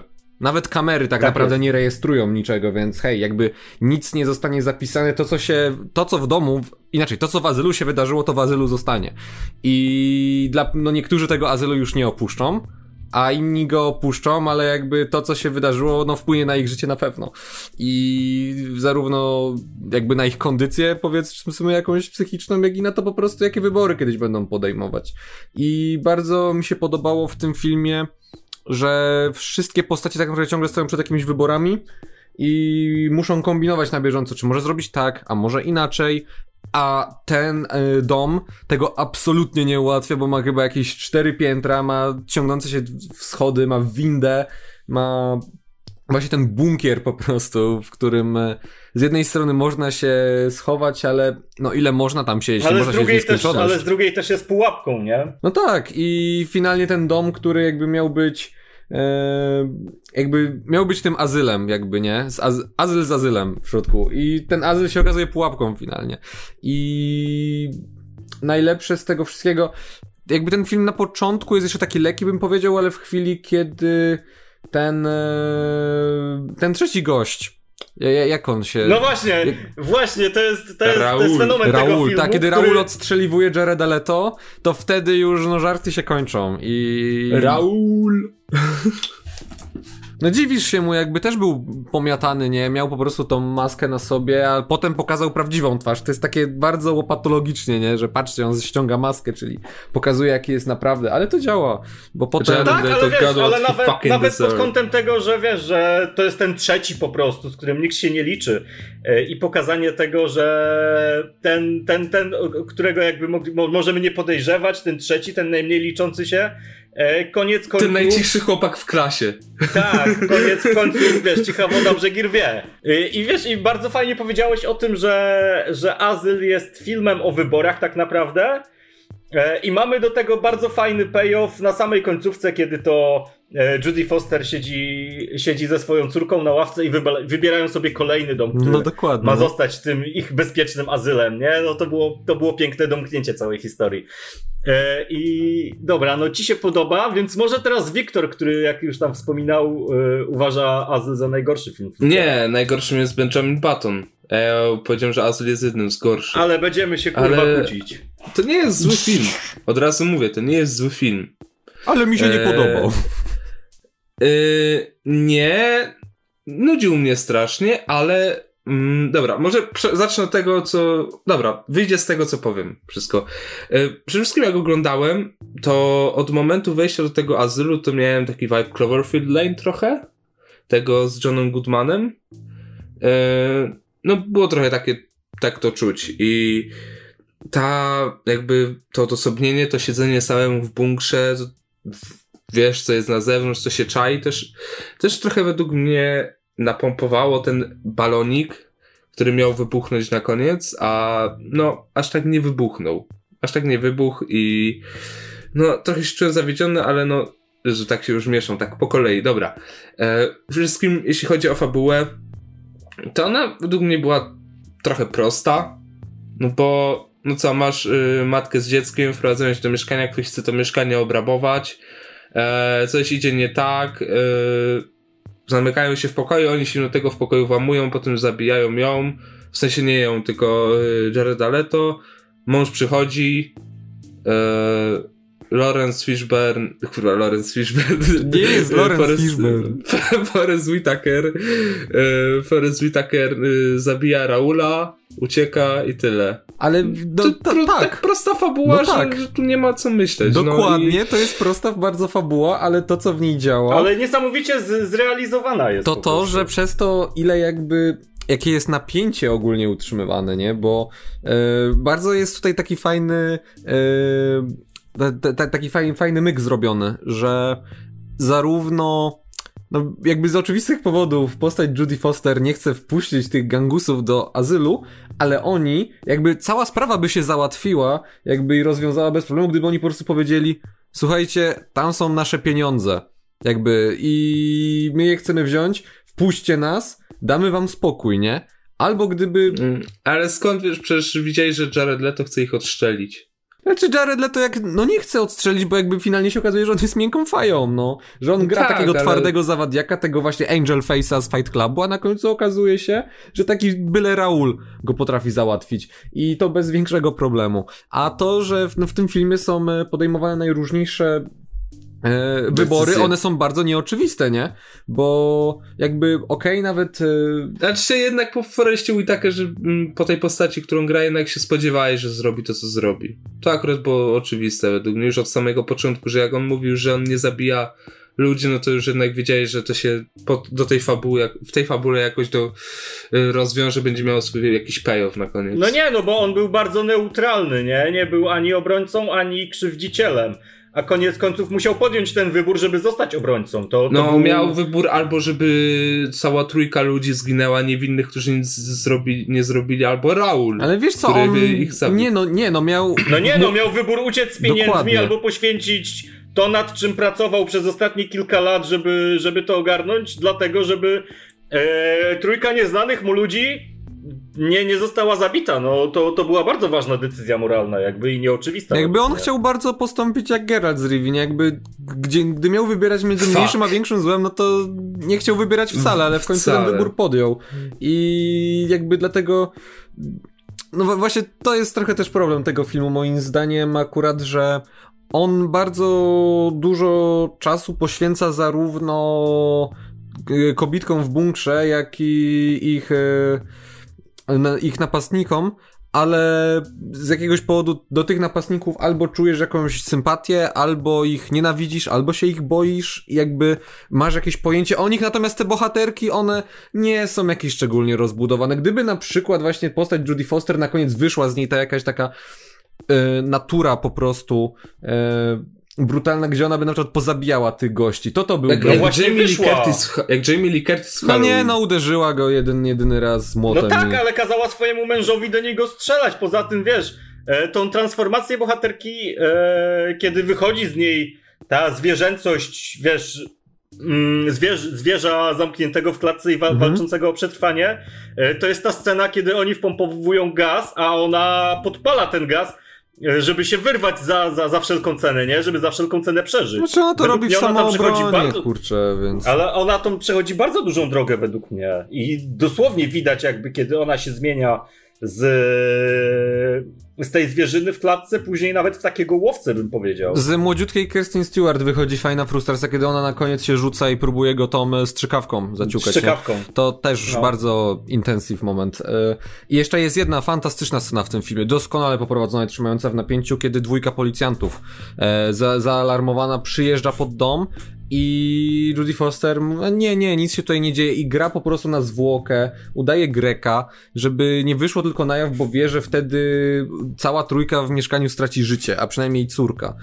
No a wiadomo, Jezus, tak, to było doskonałe. i ja naprawdę wtedy, no, obgryzałem paznokcie, bo bez kitu trzymało w napięciu, trochę za ryj i yy, no, byłem ciekawy, jak to się rozwiąże finalnie. Ona podjął, podjęła taki, a nie inny wybór. Policjanci też w końcu jakiś wy wybór podjęli. Jednak wrócili, nie? Bo przeczuwał ten jeden, że coś jest nie tak. I E, e, warto by było nadmienić, czy przepraszam, że ci się tak wepnę. Wetnę, wepnę. Jezus, nie będę się. jeszcze Max musi powiedzieć. bo ty- E, e, Nie, ja nie by widziałem. Było... A, nie, nie zdążyłeś? Nie zdążyłem po prostu, Azyl serio. pompkę. Azyl pompka, Azyl tak, pompka. azyl pompka. E, warto, warto byłoby dodać, że rola w Azylu to jest jedyna dobra rola e, ten Kirsten Stewart w jej całej karierze. O, czy ja wiem, jakby był też fajny występ bardzo w... Znaczy ja wiem, że tych aniołków Charlie'ego to nikt ich nie obejrzał, nie? Ale... Ja widziałem. Tak. Ja też widzę. To jest takie fajne kino na niedzielę, jak ci się Nie. nudzi. Nie jest- zbyt dobra, nie, nie, nie, nie. W Jak, jak chcesz sobie coś akcy, akcy, jakiegoś akcyjniaka obejrzeć, ale nie masz ochoty na nic klasycznego, tylko chcesz No się odmurzyć i Birds of myśleć, sobie puszczasz aniołki Charlie'ego. Znało No Nie, bo bardzo Birds- w Prey jest Birds of dużo Prey. lepszym wyborem, ale... No to wiele tak, lepsze. ale wiesz. Też fajny kikas mówi te aniołki Charlie'ego, w sensie no ładne aktorki, kopią tyłki, no i No kurde, super, Patryka Stewarta tam masz. fuck, ale... No No masz Patryka Stewarta w takiej nietypowej roli. Nie jeździ na wózku o dziwo. No a w Birds of Prey masz Iwana McGregora. No właśnie. A I w ogóle według mnie to strasznie smutne jest, że w wieku nie wiem ile ona tam miała, z 12 czy 13 lat? 15 może maksymalnie Wow. zagrała. Zagrała swoją rolę życia, a później zmieniła się w chodzące drewno, nie wiem, w Dęba Bartka czy w Sosnę Anię. W Wampira się zmieniła. No, Ona miała 12 lat wtedy. 12 lat miała. To pewnie No, jak to- kręcili, to miała 10-11 jakoś. To jest pięk, piękny i zarazem smutny przykład zmarnowanego talentu. E, czyli Max, ty nie oglądałeś, tak? Azylu? Ja nie widziałem niestety, ale obejrzę zresztą, bo Dawajcie to co powiedzieliście Zodiak, to mnie strasznie zahypowało. Dobra. E, dobra, Yes, to lecimy. Ja, e, teraz będzie se seria filmów, czterech, e, w których moje oceny zmieniły się dosyć drastycznie po rewatchach. E, I pierwszym z tych filmów jest Zodiak. E, moja ocena spadła z 7 na 4 po rewatchu. Jest to film, w którym mamy fajnego Marka Rafalo, e, w którym mamy też fajnego Jake'a Gyllenhaala, a poza tym mamy prawie 3 godziny nudy, gdzie Jeszcze nie dzieje się Downey. nic.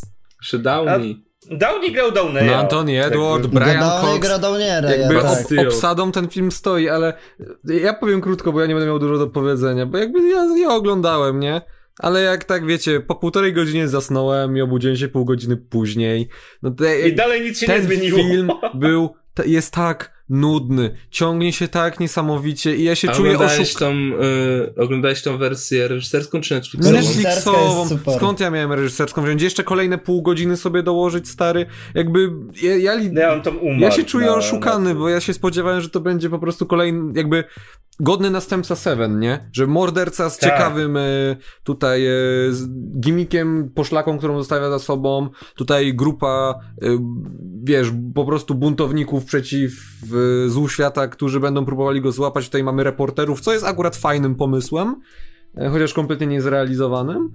I, a tak naprawdę tam się nie dzieje nic. I to wygląda tak, jakby Fincher bardzo chciał nakręcić jeszcze raz takie Seven, tylko Mhm. z trochę innym podejściem.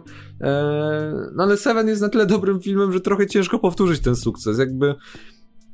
Sam nie wiem, co zawiodło. Może scenariusz właśnie, że ten film jest taki długi, jakby myślę, że spokojnie można go było skompresować, wyciąć tam co nieco. Może zamiast czterech reporterów, znaczy trzech, sorry, yy, niech tam ich będzie dwóch ponownie i to od razu by dało trochę luzu. Mark Ruffalo super, Jake Gyllenhaal również. W ogóle Fincher zbiera wszystkich moich ulubionych aktorów w jednym miejscu, więc dzięk- dziękuję pan No. Fincher. A, a tak poza tym to... Tylko szkoda, że w takim kiepskim filmie, nie? No to oddaję wam głos, chłopaki. O, Jakby wy dopowiedzcie to, czego To może ja, nie to zauważam. też, ja też krótko, y, bo ja się tu zgodzę w- całą stanowczością z Maćkiem. Chciałem jeszcze dodać, że tempo tego filmu jest paskudne, stawka jest żadna e, i jest kiepsko nakręcony pod kątem realizatorskim. I do tego jest bardzo kiepsko zmontowany. I z mojej strony to tyle. W ogóle nie czuję jakby fenomenu tego filmu. To są nudy, to jest flaki z olejem, to jest kiepski, kiepski scenariusz. E, mimo, że aktorzy znowu są prowadzeni fajnie i są mm, dobrymi aktorami, to ja nie, nie kupuję tego filmu zupełnie. W ogóle tam nie ma klimatu, w ogóle tam nie ma napięcia. No nie, to nie jest rzecz dla mnie. Z sześciu, y, z siedmiu na cztery spadła, spadła moja ocena. Chcesz Max pierwszy, czy ja mam? Dobra, albo my bronimy, co nie, Wiktor? No my bronimy oczywiście. No nie, a bo to tobie się też podobało. A, Nie, się ja, jak dla Znaczy, mnie... to jest bardzo dobry film. Słuchaj stary, ja, ten jak film. dla mnie to nie jest żadna kopia Seven, żadna próba powtórzenia sukcesu yy, właśnie debiutu Finchera. Jak dla mnie no to, to jest y, zrobienie takiego drogi kryminalistycznej od początku do końca, pokazująca jak bardzo dziwnie działa prawo i jak mocno nietykalne są osoby, które mimo wszystko są podejrzewane jak yy, no policjanci po prostu i detektywi mają przerąbane i po prostu jak dziwny jest ten świat przede wszystkim. Pokazuje to też e, w sposób mocno skomplikowany, no i całą historię Zodiaka, który no tak naprawdę nawet są głosy, że nie istniał. E, ja bardzo lubię ten film, bo zresztą też sam jestem na kryminalistyce i interesuję się tymi rzeczami. Ja chłonąłem każdą scenę po prostu jak gąbka. Detektyw Pompka. Detektyw Pompka, mordo. Ja uwielbiam ten film, Matko Święta, to on, on, on jest tak przedłużony, a mimo wszystko siedziałem na krańcu fotela, jak e, Jake wchodzi do tej piwnicy i słychać kroki na górze. Albo... Mm, kiedy przesłuchują właśnie tego wiadomego Zodiaka, ale no nie, nie są jednak pewni, że to on, mimo że on się bawi z nimi i daje wszystkie wskazówki na to, że hej, to jednak jest, e, to jednak jest on też ładnie odchodzi od stereotypu, bo ja na samym początku filmu myślałem, że ej, dobra, to będzie film o tym, że gość z korporacji y, przeciwstawił się, y, pokonał nawet policję, by sam dojść do tego, kto kim jest prawdziwy morderca. Nie, bzdura, to jest po prostu gość, który był znudzony swoim życiem, podobnie jak w grze i postanowił się bawić. Sprawa Zodiaka nawet zrobiła mu mocną wodę z mózgu, e, łącznie z tym, że zagroziła utratą jego rodziny. Bardzo dobry film. E, nie jest to może najlepszy thriller, ale film taki, żeby pokazać od początku do końca, jak wyglądają wszystkie śledztwa, jak wyglądają następujące działania. Super, to jest film jedyny w swoim rodzaju. Najlepsza ekranizacja, nie to, że przygód, po prostu historii Zodiaka, moim zdaniem. Jest też niesamowicie brutalny, ale nie emancypuje mocną brutalnością, jak dla mnie. E, jest to jeden z moich w ogóle topka, top 3 Finchera. Wersja reżyserska jest jeszcze lepsza, dlatego że jeszcze więcej dodaje do tego i ja rozumiem, dlaczego można go nie lubić, bo tak, w tym filmie nie dzieje się nic od drugiej połowy. Kompletnie. Ale przez to, że... no... Masz tam te paskudne jeszcze skoki czasowe. No nie, no, ale, no bo gdyby nie te skoki czasowe, e, które może mnie akurat nie wybijały, ale rozumiem, że mogą wybijać. Ja rozumiem w ogóle wszystkie osoby, którym się ten film nie podobał, bo tak, on jest nudny dla kogoś, kto nie jest wciągnięty mocno w te wszystkie rzeczy z, z, zbrodni. I nawet wynik finansowy tego filmu pokazuje, który no, nie poradził sobie zbyt dobrze, że no raczej ludzie no, ziewali na tym filmie niż się ekscytowali. Ja miałem odwrotnie, dlatego że ja po prostu emocje sięgały u mnie zenitu. Uwielbiam w ogóle, e, e, uwielbiam w ogóle Rafalo, uwielbiam e, Gyllenhaala. No, no, Robert Downey Jr. tym filmem pokazuje, że jest tylko. A to jeszcze, przy, to jeszcze było przed Iron Manem, więc. Tak, ale pokazuje, bo ja go oglądałem później, ale pokazuje, że no to jest e, tylko i wyłącznie jego charyzma ciągnie i nie potrafi no, stworzyć czegoś innego poza wizerunkiem, jaki znamy go z chociażby Tonego Starka kocham ten film, należy go kochać i, jest, jest super. A w ogóle kostium Zodiaka jest, jest tak pięknie kiczowaty. Zresztą, no, sam, wiesz, tak, zresztą sam film jest nawet e, pod, podsumowaniem takim, że ej, no śledzisz kogoś, kto zabił raptem e, parę osób, a ty śledzisz go ponad 5 lat, więc nie, jest super pokazujący samą tą beznadzieję, że no tak naprawdę nic nie ma w tym sensu. Mm, ale możesz dojść... Zwłaszcza, że jak masz powiedziane, że on zabił tylko parę osób, a w samym San Francisco w miesiąc tam chyba 200 no tak. zabójstw i samobójstw było. Uwielbiam to, to jest świetne podsumowanie, tym bardziej, że no nawet jak już doszli do tego po paru latach, bo to później historia jeszcze się ciągnęła dalej, film tego nie pokazał to nawet go nie znaleźli. W sensie, no jest tam to powiedziane, że umarł zanim go aresztowano, no tak naprawdę nie. No, Zodiaka w ogóle nie znaleźli, mimo że i Zodiak obok e, właśnie skóry naszego polskiego jest jednym z ciekawszych morderców w ogóle wszechczasów. Jezu, wychwalanie morderców. Najciekawszych, wiesz o co chodzi wchodzenie w ich psychikę. Zresztą on się, kurczę, ziomek się sam przyznawał do tego i pokazywał, gdzie on zrobi zbrodnię kolejną. Tylko, że no, Fincher kocha wchodzenie w ogóle w psychikę nie tylko, no nie tylko zbrodniarzy, ale ogólnie ludzi. Przecież Fincher jest jednym... E, ja to uwielbiam nie, wiem, jest, tym, nie, nie, wiem, czy on jest jednym z showrunnerów, czy on jest po prostu reżyserem paru odcinków Mindhuntera. Producentem Mindhuntera, przykład, tak. I ja Mindhuntera też na przykład bardzo nie lubię, bo mnie nie porywa absolutnie Yy, po prostu promowanie no, seryjnych morderców i psychopatów, nie? Jakby to są jakby w A jaki, True, w jaki True sposób... Detective lubisz? Co? A True Detective lubisz? No True Detective lubię, ale to nie jest na podstawie prawdziwej No to- historii, no. No wiem, ale trochę podobnie, ka- podobny kasus, nie? Znaczy ja Mindhunter, Mindhuntera na, na przykład bardzo lubię, a uważam, że w Zodiac Fincher zupełnie sobie nie poradził z tymi portretami psychologicznymi. Zupełnie. Jest to koszmarne. Ja bardzo lubię portrety psychologiczne jakby, a yy, morderców już w ogóle bardzo lubię różne podcasty True Crime, ale w Zodiaku to w ogóle nie wybrzmiewa. To jest takie nijakie, to jest takie zrobione na odpierdol, bezwarsztatowe zupełnie. Nie, no to znaczy bezwarsztatowe w to nie. Mindhunterze to jest o wiele, nie. wiele lepiej zrobione. Czuć Finchera w tym filmie troszeczkę. Czuć Nawet mocno, I- szczególnie jak właśnie szaleństwo Gyllenhaala pod koniec już wdaje się we znaki. Ja tylko Wiktorowi jeszcze jedną rzecz, bo jakby przywołałeś tutaj to True Detective i w sumie chciałem sam o tym wspomnieć, bo e, widać, że True Detective e, bardzo wyrosło na jakimś takim stylu Finchera, nie w sensie na e, po, powolnym takim podchodzeniu do zbrodni, ale też True Detective się e, no różni się właśnie od takiego Mindhuntera tym, czym się charakteryzują same filmy Finchera, że tam najważniejsze nie jest, nie, nie jest morderca, jego profil psychologiczny, przyczyny z, i skutki zbrodni, tylko no to, co się dzieje w życiu właśnie tego prawdziwego detektywa, nie? I że to tak naprawdę wpływa na to śledztwo, na tą pracę. I w Zodiaku tego aż tak nie ma. Ja to dużo bardziej czułem w Seven, mówiąc szczerze, bo w Zodiaku najważniejsze jest śledztwo. W Seven najważniejsze jest to, któremu, który z policjantów pierwszy się podda. I no, Zodiak jest dużo realistyczniejszy, nie jest aż tak przerysowany momentami jak Seven.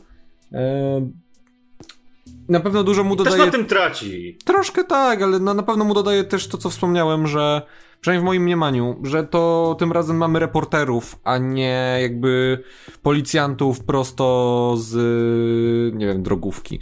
I tu, tu, tutaj e, to wypaliło, ale są lepsze filmy, w których... Z drogówki? To gdzie jest Bartosz Topa? Bartłomiej Topa, sorry. Pe- Pewnie w domu siedzi, nie?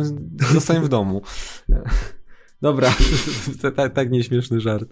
E, Typ jest trochę przygnieciony. Nie no, e, Zodiak to jest tak cudowny film, może dlatego, że ja Jest lubię właśnie takie człowiek. filmy zagadki, e, filmy logistyczne i w pewnym sensie trochę oparte na prawdziwej historii. Firmy logistyczne, jak poprawnie spakować paczkę. To już 7 było bardziej logistyczne. Filmy Nie no, ale ty, logistyczne. ty też ty sam musisz myśleć trochę, nie? Ale logistyka to jest dziedzina Nie, stary, stary, no. zajmująca się transportem, w sensie przygotowaniem transportu. Wiktor, jakby nie musisz myśleć, bo Gyllenhaal i Ruffalo myślą za ciebie w tym filmie cały czas. E, Dobrze, I nie masz ja nad czym myśleć jakby. Mam. Chłoń, Jezu. powiedz Wiktor, E, że chłonąłeś ten klimat, y, uratuj się tym. No, no bo ale to prawda, to chłonąłem ten klimat, bo to są lata 60., 70. w USA, które są jednym z najlepszych okresów y, jakby do tworzenia historii w nich. Jakby filmy, które, których akcja dzieje się w tych latach są jednymi z lepszych i, i tutaj, wiecie, ten film się różni tym od 7, że 7 to jest wymysł Finchera, a Zodiak jednak był, no właśnie oparty na prawdziwej historii, więc... Ale to go czyni to lepszym w Fincher jakiś nie- sposób, że jest, że to jest true crime? Nie wiem. No, w pewnym sensie tak. No, y, Fincher tutaj jak, jakby bardziej on adaptował historię, która była, a nie tworzył swoją. Czyli no, miał jakby- łatwiejsze zadania i tak to spieprzył.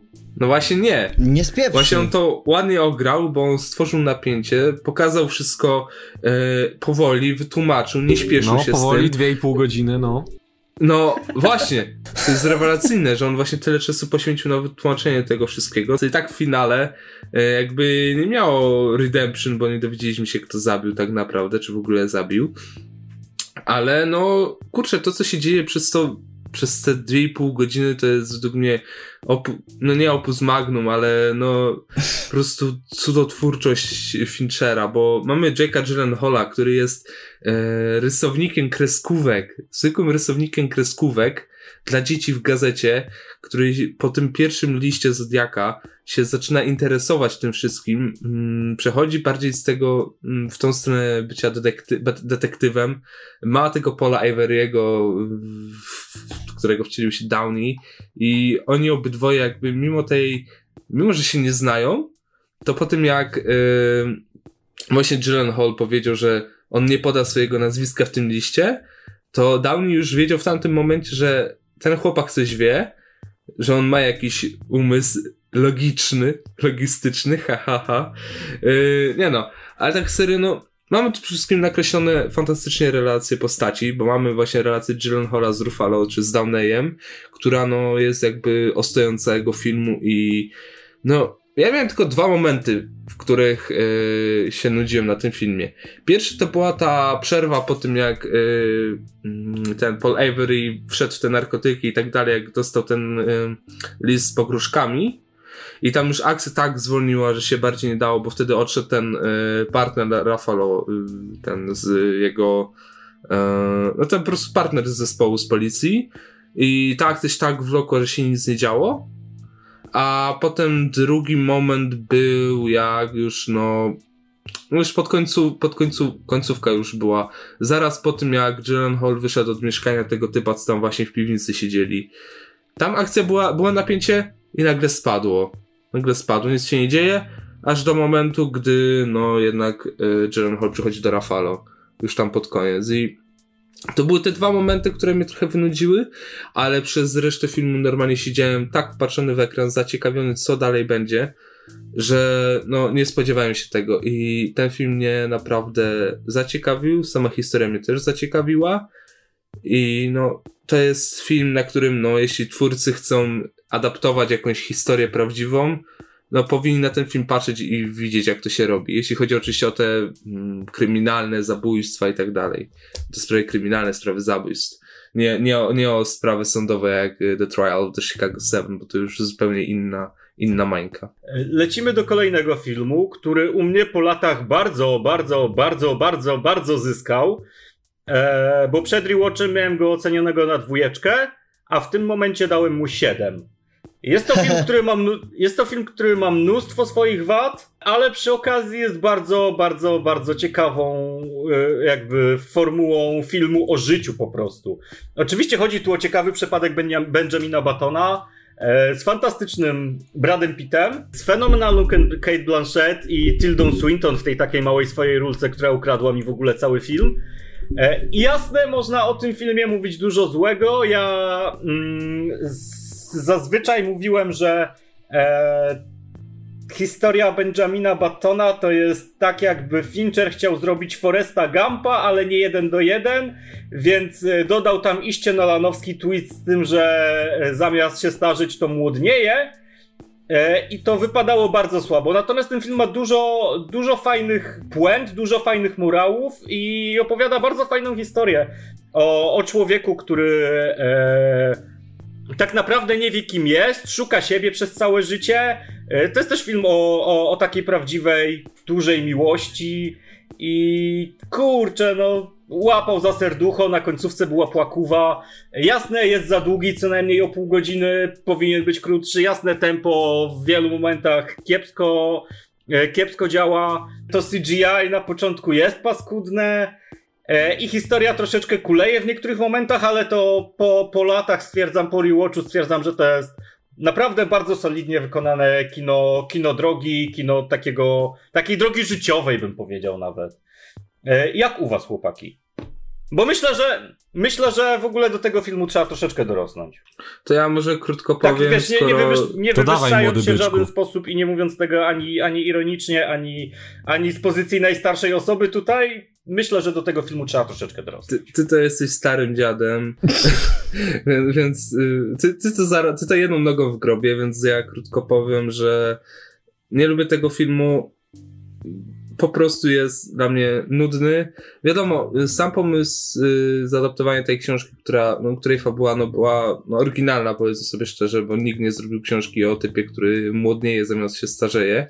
A skąd wiesz? No to jednak to jest, no to jest taki pomysł no, do zrealizowania i ciężki, i też w pewnych sposobach nudny, bo no co pokazuje, że jak ciężko ma ten gościu. No ma, ale jak ma te 40-30 lat, no to, a, to wiecie jaki zabieg zrobiłem nie 30-40, tylko 40-30, haha, yy, to już mu trochę łatwiej i kurczę, no jedyne plus... No nie jest mu trochę łatwiej, stary. Zauważ, że jakby tak się na chwilę wetnę, bo jakby ja też tego filmu, ja go mogę zarówno bronić, jak i w niektórych aspektach go krytykować, ale zauważ, że jedno tutaj zostało zachowane jedna rzecz jest zachowana przez cały film, mianowicie to, że bohater ma pod górkę niezależnie w jakim wieku jest, tylko po prostu to, że jakby no jest teraz młody i silny, no okej, ale jakby on w zasadzie się cofa troszkę w No rozwoju. tak, właśnie o to chodzi. I ma to, ma, ma, to, koń- ma to doświadczenie, tak naprawdę w tym wieku 30-40 lat jest mu najlepiej, bo ma ciało młodzieńca i nazwijmy to doświadczenie staruszka, aczkolwiek no staje przed całkiem innymi wyzwaniami, a potem im staje się młodszy, tym tak naprawdę tych wyzwań jest gorzej i okazuje się, że tak naprawdę coś, o czym na co dzień nie myślimy, czyli że ta najwcześniejsza młodość i najpóźniejsza starość pod względem takiej Wiecie, trochę Wiecie, niepo, niepełnosprawności mają są bardzo dużo wspólnego. Tu- Tutaj y, całym segmentem filmu, tym segmentem, y, tfu, aspektem fabuły jest czas. Tak, no wiesz, jakby Ale no to Nolan Jeszcze chciał brakuje zrobić... wody i martwej żony. Jakby Nolan chciał zrobić Foresta Gampa, to tak by mniej więcej wyglądał ten film. Nie. No. Tylko, że ma, tylko, że ma emocje, a u, Nolana nie było emocji. I się pokłócicie. No i tak naprawdę jedyne rzeczy, które naprawdę mi się podobały w tym filmie, to był Mahershala Ali i Jared Harris. Dziękuję. A faktycznie masz He Hershala a- No, Ali tam tam. był. Całkiem No ja nawet jak odpaliłem, jak odpaliłem rewatch, to chłopakom od razu napisałem, o kurwa, Mahershala Ali. W ogóle sporo ludzi odbiera Mahershala jako takiego dosyć e, Nowego, tak. świeżego aktora, nie? I sporo Ej, ludzi myśli, że o, że... Że ten Green Book- 4400. Fantastyczny serial swoją drogą. Nie no, ale wiesz, jakby ludzie widzą go w e, tym e, Green Booku i że wow, fantastyczny debiut, skąd taki aktor, nie? Z Jakby... Luka Cage'a. Okej. Także, o, gość, który zagrał po prostu e, Cotton Mouth'a, nie? Nagle d, jakby okazuje się, że gra tak świetnie, że gra w hollywoodzkim filmie, no proszę państwa. E, ale dobra, nie o Mahershala Ali tutaj. E, wr- wróćmy To, do to ja To bym ja na chciał, ja bym jeszcze chciał jeszcze dodać, jeżeli mogę, No że to co, to, co właśnie powiedziałeś o, o, o tym samym gimmiku, czyli że im robi się starszy, tym, tym bardziej młodnieje. E, to jest niesamowite raz, że pokazanie, że tak naprawdę i podczas narodzin, i podczas starości jesteśmy w tym samym punkcie jakby życia. E, bo hej, rodzisz się straż pieluchy, umierasz straż pieluchy. E, I to jest ten taki krąg życia pełny. E, A do tego mm, bardzo fajnie komentuje coś, co pewnie większość z nas sobie czasami myśli, to znaczy, o Jezus, ale było fajnie, jak byłem młodszy. Wiesz, tak mówiąc z perspektywy czasu, no nie, no nie było fajnie, bo byłeś debilem na przykład. I to bardzo fajnie e, komponuje się z tą końcówką, kiedy e, faktycznie, wiesz, no tam do, do śmierci e, tego Benjamina Batona zostało, nie wiem, z 5 lat i on i fizycznie, i mentalnie jest pięciolatkiem, co na przekór wszystkim siedzi na dachu, bo, bo tak. A później traci umiejętność chodzenia i mowy. I to jest jakby pokazanie tego, że bardzo mocno idealizujemy swoje wspomnienia z przeszłości. I że nie warto tego robić. To znaczy, jakby ten film ogólnie jest też o idealizowaniu jakby wspomnień, bo no, jakby przechodzimy przez całe życie Benjamina Batona, przez jakiś kawałek historii, nie? I jakby dla niego sporo tych wspomnień będą zarówno te bardziej traumatyczne, jak cała ta sprawa z tym ubotem, tam na Morzu e, Północnym. Będą te, które będzie wspominać dobrze i z których dużo e, wyciągną, jak e, przyjaźń z postacią Tildy Swinton, taka bardzo nietypowa i jakby swoją drogą o tej relacji, w sensie tak działającej, gdzie po prostu się co noc spotykają e, w hotelu, ale wiesz, spędzają ten czas na rozmowach, a nie na grzeniu się, no to można by zrobić cały osobny film, bo to jest fantastyczny pomysł i ta relacja jest super poprowadzona. Po raz kolejny Brad Pitt daje po prostu pokaz aktorstwa i jakby ja wiem, że potem już no dzieciaka zagrał kto inny, nie? Ale jakby tutaj i efekty specjalne i specy od charakteryzacji naprawdę dali z siebie wszystko i jedna z najfajniejszych scen to jest ta, gdzie mm, jednocześnie tam paronastoletni, a z drugiej strony bardzo podstarzały Benjamin Button staje przed lustrem, nie? I napina mięśnie, jakby. Tak, no kurczę, albo, kto tego nie robił, jak miał raz z 12 lat. Też No. fantastyczna była ta scena. Już myślałem, że fantastyczna rzecz. Nie, ale nie korzystam z takich usług. Przy, przy, przydatna rzecz. E, Praktyczna no. rzecz. Oj, to się bytnie. E, Maciek, ja na Maciek coś jeszcze musimy miałem- wiedzieć? Maciek, nie, nie, chyba tyle.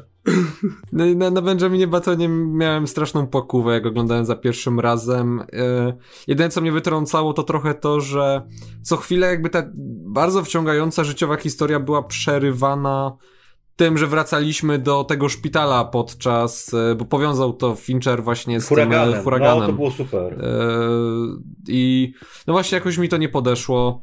Bardzo fajny był motyw z tym zegarem. I kiedy na koniec dworzec jest zalany przez e, e, wodę, no to no wiesz, że coś się kończy i tym razem się nic nie zaczyna. I, I już nie Disa. No jakby no tak i kurczę, no jakby to jest bardzo wzruszający film, łapiący za serducho, ale tak naprawdę ze wszystkich filmów Finchera jest chyba najmniej Fincherowski bym powiedział. To jest bardziej I Zemekis, pod tym względem ja w ogóle... Zemekijowski. Zem, Zemekisowski. O, Zemekisowski. Tak, Czyli- oczywiście, że tak. No. No, No to Robert jest Zemekis. Robert Zemekis, mordo. Z Forrest Aha, Gump. dobra, tam słyszę jakiś Zemekijowski. jest Zemekisowski, No, no no Kijowski. Dobrze, dobrze, już wiem. Już Zemeki wiem, pompka. w pierwszej chwili. Ja mam podobną opinię co Wiktor, to znaczy nie podobał mi się ten film i za rewatchem też mi się nie podobał, a powiem, że oglądałem go już po latach znowu. Jak dla mnie Fincher jest super reżyserem, ale tylko i wyłącznie rozrywkowym. To znaczy te wszystkie aspekty, mm, które chce przekazać dalej, kiedy chce próbować bardziej w coś, coś jak właśnie Nolan, to mu kompletnie to nie wychodzi. Nolanowi to wychodzi, bo Nolan cię hipnotyzuje tym całym stylem i wie, że to jest film Nolana, bo on cię o, No, bo cię tak, nudzi. bo on cię nawet nie odciąga od tego. Musisz przyjąć pewne, mm, musisz przyjąć pewne prawa, które e, w świecie, które są w filmach Nolana. W Benjaminie Batona cały czas e, odchodzisz od tego. To znaczy cały czas on ci mówi, ej, bo chcę coś zrobić jeszcze bardziej, chcę coś zrobić jeszcze lepiej, chcę zrobić, mam ogromne ambicje stworzenia jakiegoś arcydzieła. Kompletnie mu to nie wychodzi na poziomie właśnie mm, yy, merytorycznym tego, co chcę przekazać. No ja wiem, że tu chodzi o starość i o, o marazm mm, życia ludzkiego i całej tej drogi. Ale i o młodość. No też i o młodość, ale kompletnie mnie to nie chwyta. To jest raczej taka próba zrobienia feel good movie, jakby nie wiem, umówił się ze Spielbergiem, że chce to zrobić, ale tak kompletnie się mija to z jakimikolwiek emocjami według mnie. Aktorsko jest super. Brad Pitt jest mm, świetny, już wchodzi w ten wiek, gdzie zaczynam go uwielbiać coraz no. bardziej, ale jakoś tak kompletnie mnie nie porywa. Jest jednym ze słabszych filmów Finchera, dlatego że kompletnie po, film, dlatego że David e, poległ na tym, mm, przecenił swoje możliwości po prostu. On nie jest w stanie opowiadać historii e, mocno artystycznej, takiej intelektualnej. Bardziej jest raczej takim reżyserem kryminalnym, takim, gdzie on się świetnie tam czuje. On tam jest jak ryba w wodzie. Tutaj jednak y, masa rzeczy zgryzie się ze sobą, masa rzeczy mu nie wychodzi. Co innego i jego kolejny film. wow. Ale wiesz co, chyba trochę masz, ty, chyba trochę masz rację, bo e, jakby ten film w teorii wydaje się, że no jakby on podejmuje temat e, no przy, na pewno jakiejś przemijalności, nie? Która ma pokazać ci, że życie jest darem.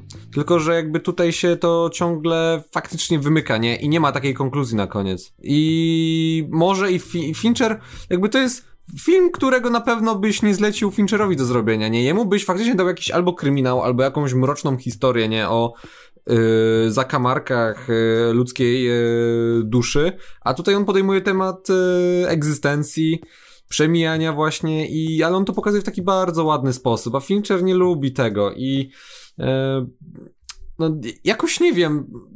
Jest- Jestem ciekawy, dlaczego to akurat jego zaangażował. Czy on tak bardzo pokochał tę książkę, że chciał zrobić film i po prostu przekładał tutaj jeden do jeden. Nie wiem, nie czytałem książki, więc nie wiem, czym się różni, ale e, jakby kiedy dowiedziałem się, że istnieje książka, to już mi się pomysł nie wydawał taki świeży i ciekawy, bo to znaczy po prostu, hej, jakby to nie był zamysł e, reżysera. A w ogóle początkowo nie wiedziałem, że to robił Fincher i dopiero się dowiedziałem parę lat temu. No To wygląda jakby Zemeckis robił.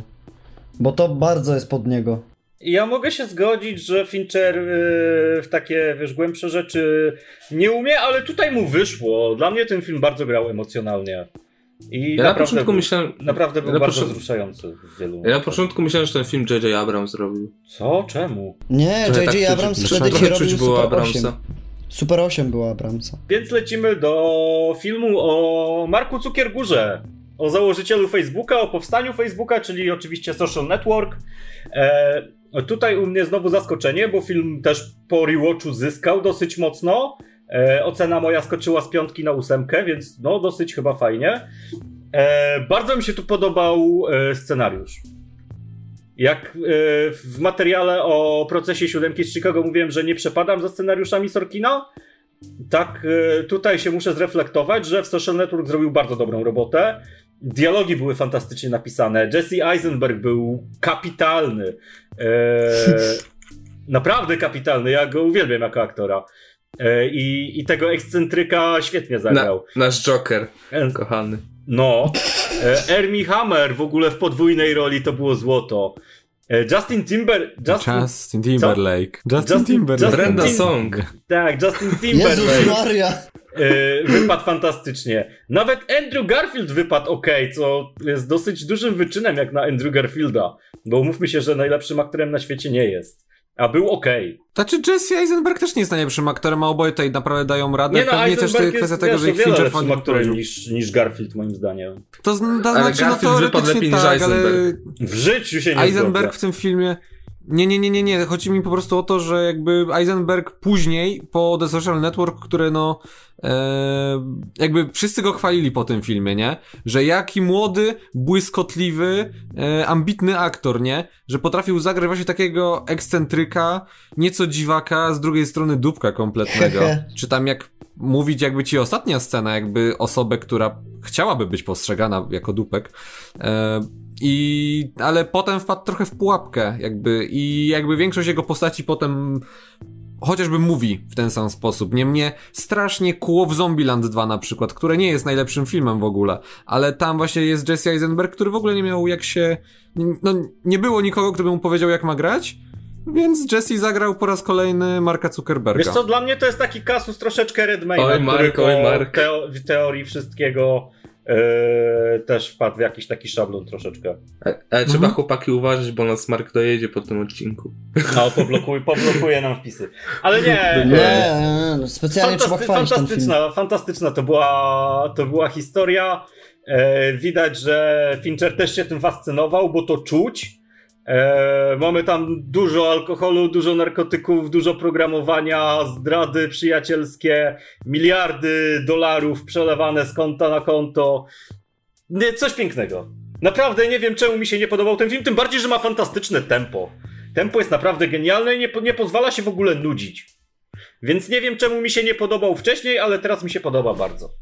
No tempo może w pewnych momentach tak zwalnia. To ja muszę powiedzieć, że mi się za pierwszym razem bardzo podobał i za drugim też. Jestem w ogóle pod wrażeniem, jak film o twórcy portalu społecznościowego może trzymać cię za serce i nie puszczać aż do końca. Bardzo podobną ma strukturę jak Zodiak, to znaczy też jest taki realizm jakby. O, oszczędny jest w jakieś takie Mm, No nie, jakieś takie fantastyczne elementy, no nie jest to, wiecie, biografia e, jak e, Rocketman czy coś. To jest po prostu bardzo prosta biografia, ale jest na tyle świetna i spójna w tym, jak to robi, że nie została kompletnie zapomniana i do dziś trwają głosy, czy to nie jest aby najlepszy film Finchera, czy to, wiesz, e, na, na jakim podium stanie y, Social Network. Bardzo lubię ten film też za to, że opowiada stosunkowo nudną historię w tak ciekawy sposób, z takimi kreacjami aktorskimi, że nie pozwala ci się nawet wynudzić, a przypominam, no to jest film gościu, który tworzy po prostu Facebooka i tyle.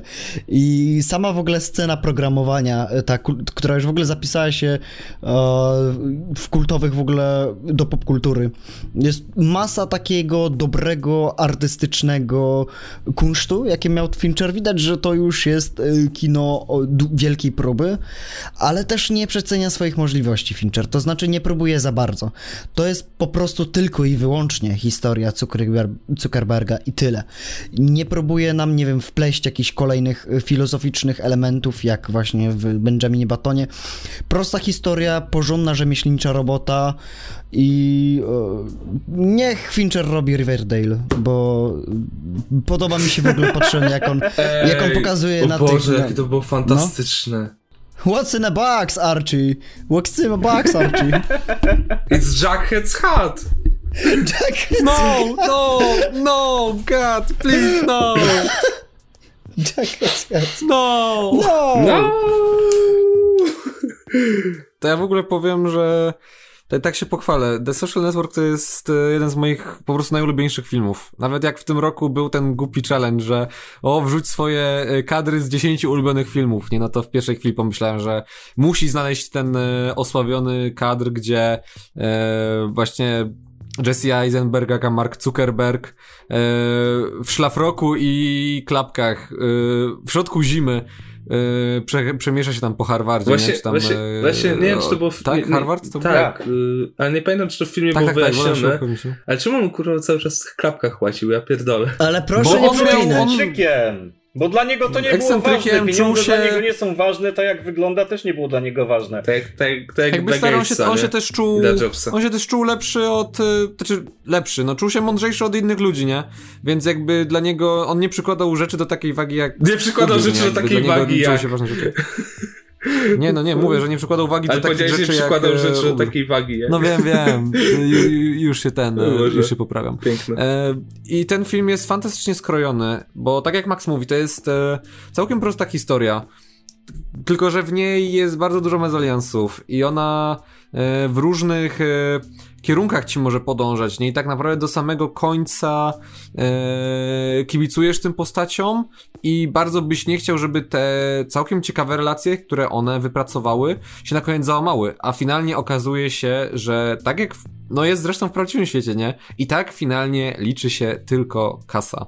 I to również jakby sama kreacja Jesse'ego Eisenberga jako Marka, no tutaj e, no świetny popis, nie? Szkoda, że później jakby ten potencjał nie był wyczerpywany dalej, ale to jest tak naprawdę Jesse'ego najlepsza rola i idealnie wpasował się w tego, no tak jak powiedziałem, yy, gościa, który nie jest dupkiem, ale bardzo by chciał być tak postrzegany, nie? Bo on trochę trochę siebie tak postrzega i trochę buduje wokół siebie taką otoczkę, nie? Jakby o Marku Zuckerbergu można mówić różne rzeczy, że jest ekscentrykiem, Że jest że właśnie jest dupkiem, albo że jest e, na przykład cyborgiem z innej planety, że jest reptylianinem. E, bardzo mi się podoba warstwa sceniczna tego filmu, gdzie on jest taki sterylny i taki syntetyczny, nie? Gdzie e, wydaje ci się, że wszyscy wokół są informatykami i a zaczyna się, a za, zaczyna się w taki sposób bardzo e, już powiedzmy kameralny, ta taki scena- wręcz scena zaściankowy, nie? w barze, gdzie on, yy, znaczy ta dziewczyna go No rzuca. wali ten monolog. Jezus, to jest piękne. Jest piękne i wiesz, jakby bardzo naturalna re- reakcja. Potem wraca do domu, czy do domu, do akademiku, spija się i tak w zasadzie no rodzi się największy, w uproszczeniu oczywiście, nie, największy e, portal społecznościowy na świecie, nie, już nawet abstrahując od tego, e, jak, jaki to ma związek z historią, nie, bo prawdziwą, bo Zuckerberg na pewno temu wszystkiemu zaprzeczy, nie, ale tak to fantastycznie oddali i aktorzy, i reżyser, i scenariusz, który ma świetne tempo, który mimowolnie trzyma w napięciu, a przypominam, no to jest film po prostu o programistach, nie? E, który bardzo dużo mówi też o tym, w jakim punkcie są ludzie trochę teraz, nie? I że co w zasadzie spowodowało, że Facebook stał się taką, e, no, no globalną rewolucją po prostu, nie? No ale wiesz, I- no Jobs też był filmem, powiedzmy sobie w pewnym sensie troszeczkę o programistach. Ale Tak. był No, o wiele gorszy. No, Ale no właśnie. przede wszystkim wiecie Tylko dlaczego, mówimy bo o, o, tak, ale o social, tym z Kuczerem, bo mi ten z Fassbenderem się podobał akurat. bo social network nie jest laurką i skupia się też na tych negatywnych stronach Marka. Nie no, on się skupia wyłącznie praktycznie, jakby, No tak. czy on pokazuje jego pozytywne strony, że No jest pokazuje e, właśnie takim, no no, pokazuje, że jest zajebiście inteligentny, nie? I on to wykorzystuje przeciwko innym ludziom i tak naprawdę e, no, ciężko czuć do niego sympatię, nie? Jakby tutaj się wiąże dużo, dlatego jest wprowadzona postać Garfielda. właśnie Andrew Garfielda, z którym możesz sympatyzować i mu współczuć na koniec, nie? Bo jest tak naprawdę ofiarą tego A ja tam lubię, ja tam I- lubię Zuckerberga pokazanego w tym filmie i troszeczkę się nawet utożsamiam. Ja lubię, Oj, ale was- was dlatego, że to jest Jesse Eisenberg. Zaraz, zaraz ofertę od Facebooka polecę. nie, bardziej wiesz, z tego powodu, że ja też yy, Uważam, że jestem dup... Jesteś, jesteś. Dziękuję. Dziękuję. Nie, my cię nie będziemy łektać tutaj. Nie, ale co, to Paweł, nie. The Social Network to jest po prostu no, fantastyczny film i chyba jeden z najlepszych w portfolio Finchera. No jakby no, dla mnie jest też bardzo osobisty, może dlatego ja go też e, o, oceniam w, przez taki, a nie inny pryzmat, ale no jakby dawno nie miałem takiego filmu, o którym bym tyle myślał, nie? I też go sobie odświeżyłem e, ostatnio w dość przyjemnych okolicznościach, nie? Miałem rewatch. E, Mhm. w okresie maturalnym i jakby ten film był taką ulgą troszeczkę, więc e, jakby mam z nim masę ciepłych wspomnień i ja mam nadzieję, że kiedyś Fincher się za coś podobnego jeszcze weźmie, nie? Żeby, żeby nie powstawały kolejne Steve Jobsy, nie? Tylko właśnie... Ej, ale, Job, Job, Ale jak Jobs, już mamy mieć Jobs taki jeden film, to żeby był super jeden, no. Akurat. Jobs z Fassbenderem był super akurat. Tak, był dobry. Nie, był był lepszy niż ten... Był lepszy niż ten, ten jak Był tam. lepszy niż ten Kompletnie bez... Kompletnie bez e, polotu oba filmy, a tutaj jest e, bardzo dużo abstrakcji. Tak, ale wiesz, Jakby, ale no, to, to wiąże się też z tym, że tym założeniem Facebooka jest to, że ma być cool. I ten film też jest cool. I to czujesz, nie? I Mhm. czujesz, że ci ludzie, którzy tam są, są w pewien sposób cool. Albo przynajmniej próbują tak, tacy jasne, być. że tak. Nie wszystkim Jasne, wychodzi. tak. W ogóle ja ten film oglądałem 10 lat temu, jak wychodził na premierę. A teraz sobie rewatchowałem niedawno i liczyłem na to, że pokażą w pewnym momencie ja- jaszczurzy ogon Marka Zuckerberga. Nie wiem czemu. Co nie, pokażą? wiem, nie wiem o co chodzi. Jaszczurze Albo, albo, ogon, że jest pro, albo procesor pokażą jego, nie wiem, bo co różne rzeczy się o nim mówi, a nikt tego nie pokazał. Więc ja nie wiem o co chodzi, ja nie wiem, czy to jest prawdziwa historia. nie no, żartuję, już What tak, już, już, już tak, już tak y, teorią lecę, ale nie. Siri, what the A fuck? nie. E, kurczę, ten film jest naprawdę jak, jak, jak typowy film Finchera, czyli jest specyficzny. Bo tak naprawdę każdy film Finchera ma swój osobny styl i no, dopóki nie zobaczysz, że Fincher to robił, to w przypadku The Social Network to tego nie czujesz. O, tak to ujmę, bo Nie, no czujesz bardzo, jakby tam no, masz nie, te tak jak, nie tak jak elementy. w przypadku innych filmów. No, no nie powiesz Są- mi, że nie powiesz mi, że elementy jak dla porównasz Finchera mocno, 7 no. i Fight, sie- 7 oraz Fight Club z The Social, z The Social Network, to, Jest to, bardzo to nie dużo powiesz mi, że one są podobne, bo elementów. nie są. Ale bardzo one, ale Wiktor, że- jakby one się różnią na poziomie stylistyk, a jakby No to o to tutaj mi chodzi, warsztat no. reżyserski pozostaje ten sam. Dalej I widać, że to jest film Finchera, jejku. Widać bardzo, Tak, że to jest no- no Fincher. widzisz to widać wolniejsze- błyskotliwości widzisz to wolniejsze e, tempo. dialogów, w tym jak rozmawiają postacie, w masie czarnego humoru, Tak, w tak, no właśnie tak, tym tak, odkrywaniu e, no, takiej tej mrocznej strony natury ludzkiej, nie? Która dąży po prostu po to, żeby była kasa, kasa, kasa. I No, ale też no, Ja wiem, że to bardzo uproszczam, ale jakby taka jest też konkluzja tego no filmu. masz to Taka wolniejsze dosyć tempo, gorzka. nie? No to... No okej, no, no dobra, ale mniejsza o to. Mm, kurczę, tutaj co mnie poruszyło, to to, że właśnie Fincher się nie boi nie boi się po prostu używać tego, co.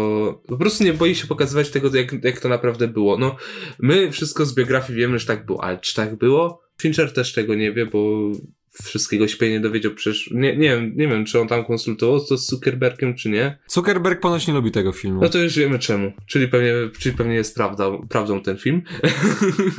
ale nie, ale tak serio to, kurczę, no to jest specyficzny film. No ja za pierwszym razem go nie lubiałem.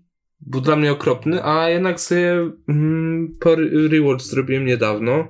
Dojrzałem do tego filmu i jednak, kurczę, zauważyłem, no, pewne pewne łamanie przesądów, no bo wiecie, jak to się mówi, że informatycy są prawiczkami, no, no nie są. No. Pokazuje, że nawet informatycy... Prawi... Przepraszam, przepraszam, programiści, bo nazwanie programisty informatykiem jest obrazą. Przepraszam, programiści. Yy, miałem to z autopsji.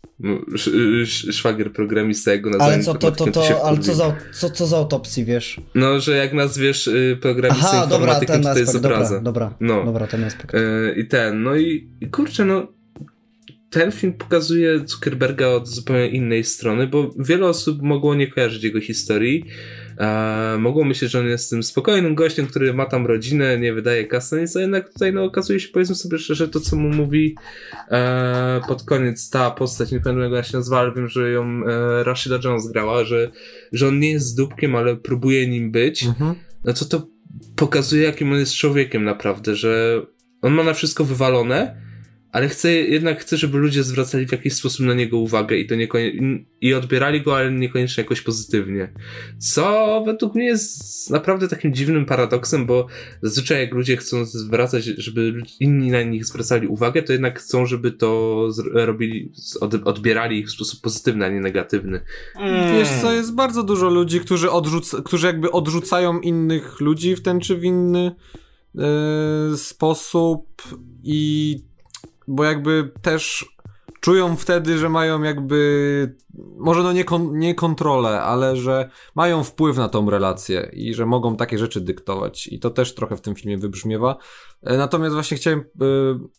E, jest jedna fantastyczna rzecz w tym filmie, o której nie wspomniałem. Mianowicie e, relacja romantyczna w postaci Garfielda z tą jego babką psychopatyczną. Ta, co mu później jara tą kanapę, Boże. Nie? Tak, tak, tak. I szalik. Bo szalik jest paskudny, nie? I dlaczego nie powiedziałeś mi, że wróciłeś, nie? A wróciłem jakieś 3 godziny temu. Jest w filmie masa takiego czarnego humoru. Lubię też moment, kiedy oni rozwalają tą tyrolkę na przykład. Albo, e, no właśnie ta scena z informatykami, znaczy, przepraszam, programistami, nie? Którzy, tak, tak jak Max tam wspominał, tam siedzą i piją i ten, kto da radę, ten e, jakby wejdzie do składu facebookowego, no a ci, którzy nie dają rady, no to walą kolejkę w kółko no, w kółko. No, ale ta, ta scena, jak y, właśnie Garfield przyszedł do tej już siedziby Facebooka i ten Timberlake i było pokazane, że y, Garfield powiedział, że y, wiesz dlaczego lubię przebywać w twoim środowisku? E, bo wiem, że mam nad tobą kontrolę, bo, bo on się go boi. Że on, że on przy nim wygląda jak mm, twardziej, nie? Zuckerberg jest poza kontrolą, nic zabrać mu już nie mogą. Dobra, e, to teraz, to teraz przechodzimy do kolejnego filmu. E, I tak jeszcze w nawiązaniu do Social Network, to u mnie się włącza właśnie Zuckerberg e, Mode On. I dziewczyna z tatuażem. Film, o, po, Boże, który, który film. po rewatchu spadł u mnie z siódemki na dwa. Boże, jaki to jest kurwa paskudny film! Naprawdę proszę nie przeklinać, retrospektywa Boża jest. Proszę, Przepraszam, retrospektywa Boża Boże. jest tak przeamerykanizowany, w ogóle nie czuć tam klimatu Skandynawii. Równie dobrze to mogło być randomowe miejsce w Stanach Zjednoczonych. Ja, żeby choć trochę poczuć ten klimat Skandynawii, musiałem jeść śledzia podczas seansu. I to jest real shit. Serio Smacznego. jadłem śledzia, żeby jakoś się wczuć w ogóle w ten film. Ten film ma dosyć fajnego Craiga, dosyć fajnego Plamera koszmarną rolę Roni Mary, Roni Mary, którą jak widziałem na ekranie, to miałem ochotę wymiotować.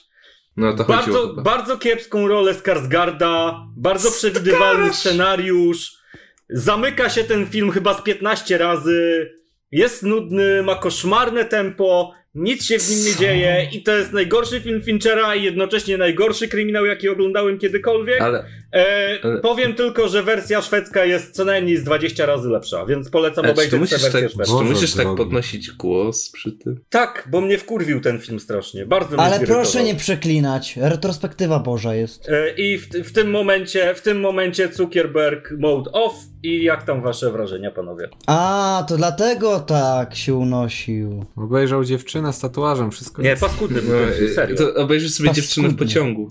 Zobacz sobie... A to jest powiązane? Tak, Właśnie nie. nie wiem. Nie, to nie jest powiązane w ogóle. Bo był jakiś to nie jest Zobacz filmem. sobie szwedzką wersję. Szwedzka wersja ma całą trylogię i jest o wiele lepsza. Czyli mężczyźni, znaczy, który, bo to jest... Ta szwedzką wersję, no to ja najpierw sobie zobaczyłem tą amerykańską, bo ja tej amerykańskiej nie widziałem przecież. Ja, to jest jedyny film to z naszego nie oglądaj, tutaj... bo jest e, paskudna, naprawdę A, no to, paskudna. To, to, paskudna, to, to, słyszysz, ja... paskudna.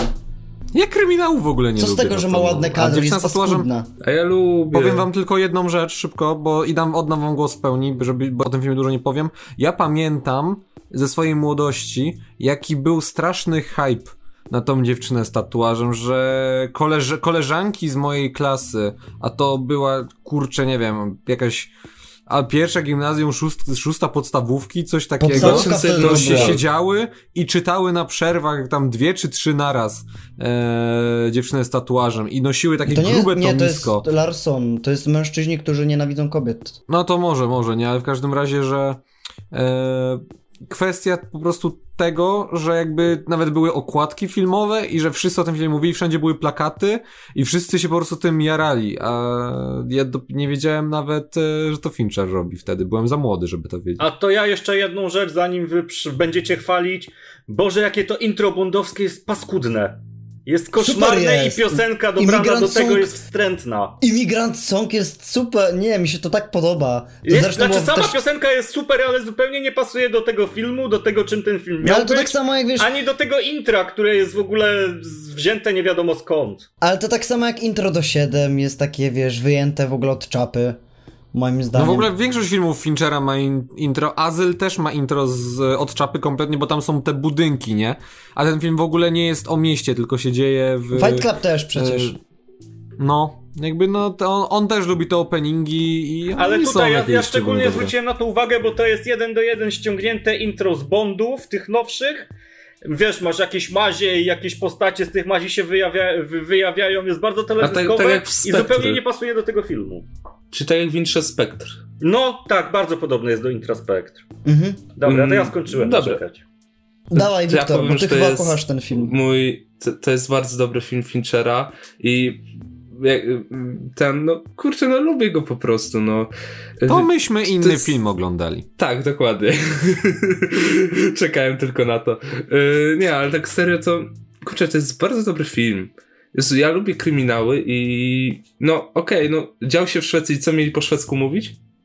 Ma, mia, miałem dostać Daniela Craiga, który po szwedzku mówi, no, no Chociaż raczej- tyle, ale wiesz, no Szwecja daje ci mnóstwo jakby rzeczy, którymi możesz operować, żeby budować klimat, a tutaj tego nie wykorzystali zupełnie. No masz dużo śniegu. Masz dużo śniegu, masz te lasy właśnie. Jezu, w ogóle... Masz dużo śniegu, nie, nie, nie, Paweł, nie wiem, czy się rozumiesz, to jest zgodzicie, ale... tego filmu. ale- Ej, w Kevinie w. Nowym Jorku też masz dużo śniegu.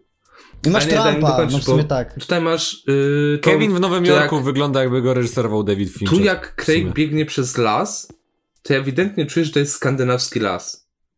No a Ja ja czuję czuję. jakby to był las, nie wiem, w e, Puszczy Białowieskiej. Dark. Czy w jakimkolwiek randomowym miejscu na świecie, na pewno nie w, nie w no. Skandynawii. Ale y, wracając do samego filmu, no mm, niby dziewczyna z tatuażem, a jednak y, jej rola jest ograniczona, na, ta ważna rola, no do ostatnich minut filmu.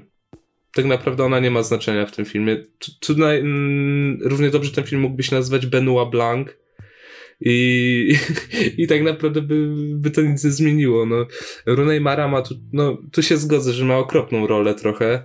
Mimo, że jednak nie chciałem żygać na jej widok na ekranie jak była, to jednak była troszeczkę zbędna. No oprócz tej, tej ostatniej sekwencji, gdy wiemy, że ona się w nim zakochała i tą kurtkę mu z, z, No to na zamówienie smutne. działano. Ojej, ale...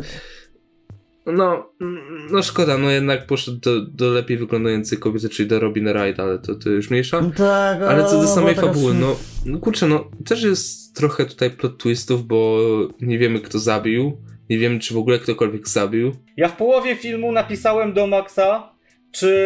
e, bo już nie pamiętałem, kto zabił, czy Skarsgård zabił. Ska... Więc to nie było- tak. Nie było ani trochę budowania napięcia żadnego, ani trochę plot twistu, to było wszystko oczywiste i logiczne. Nie było oczywiste. I zero zaskoczenia było w tym filmie. No dzięki, no to jak ty taki jesteś, masz takie oczywiste myślenie, no to idź do kryminalnego, teraz rozwiązuj yy, te... Chodź No Paweł to ze mną na studia.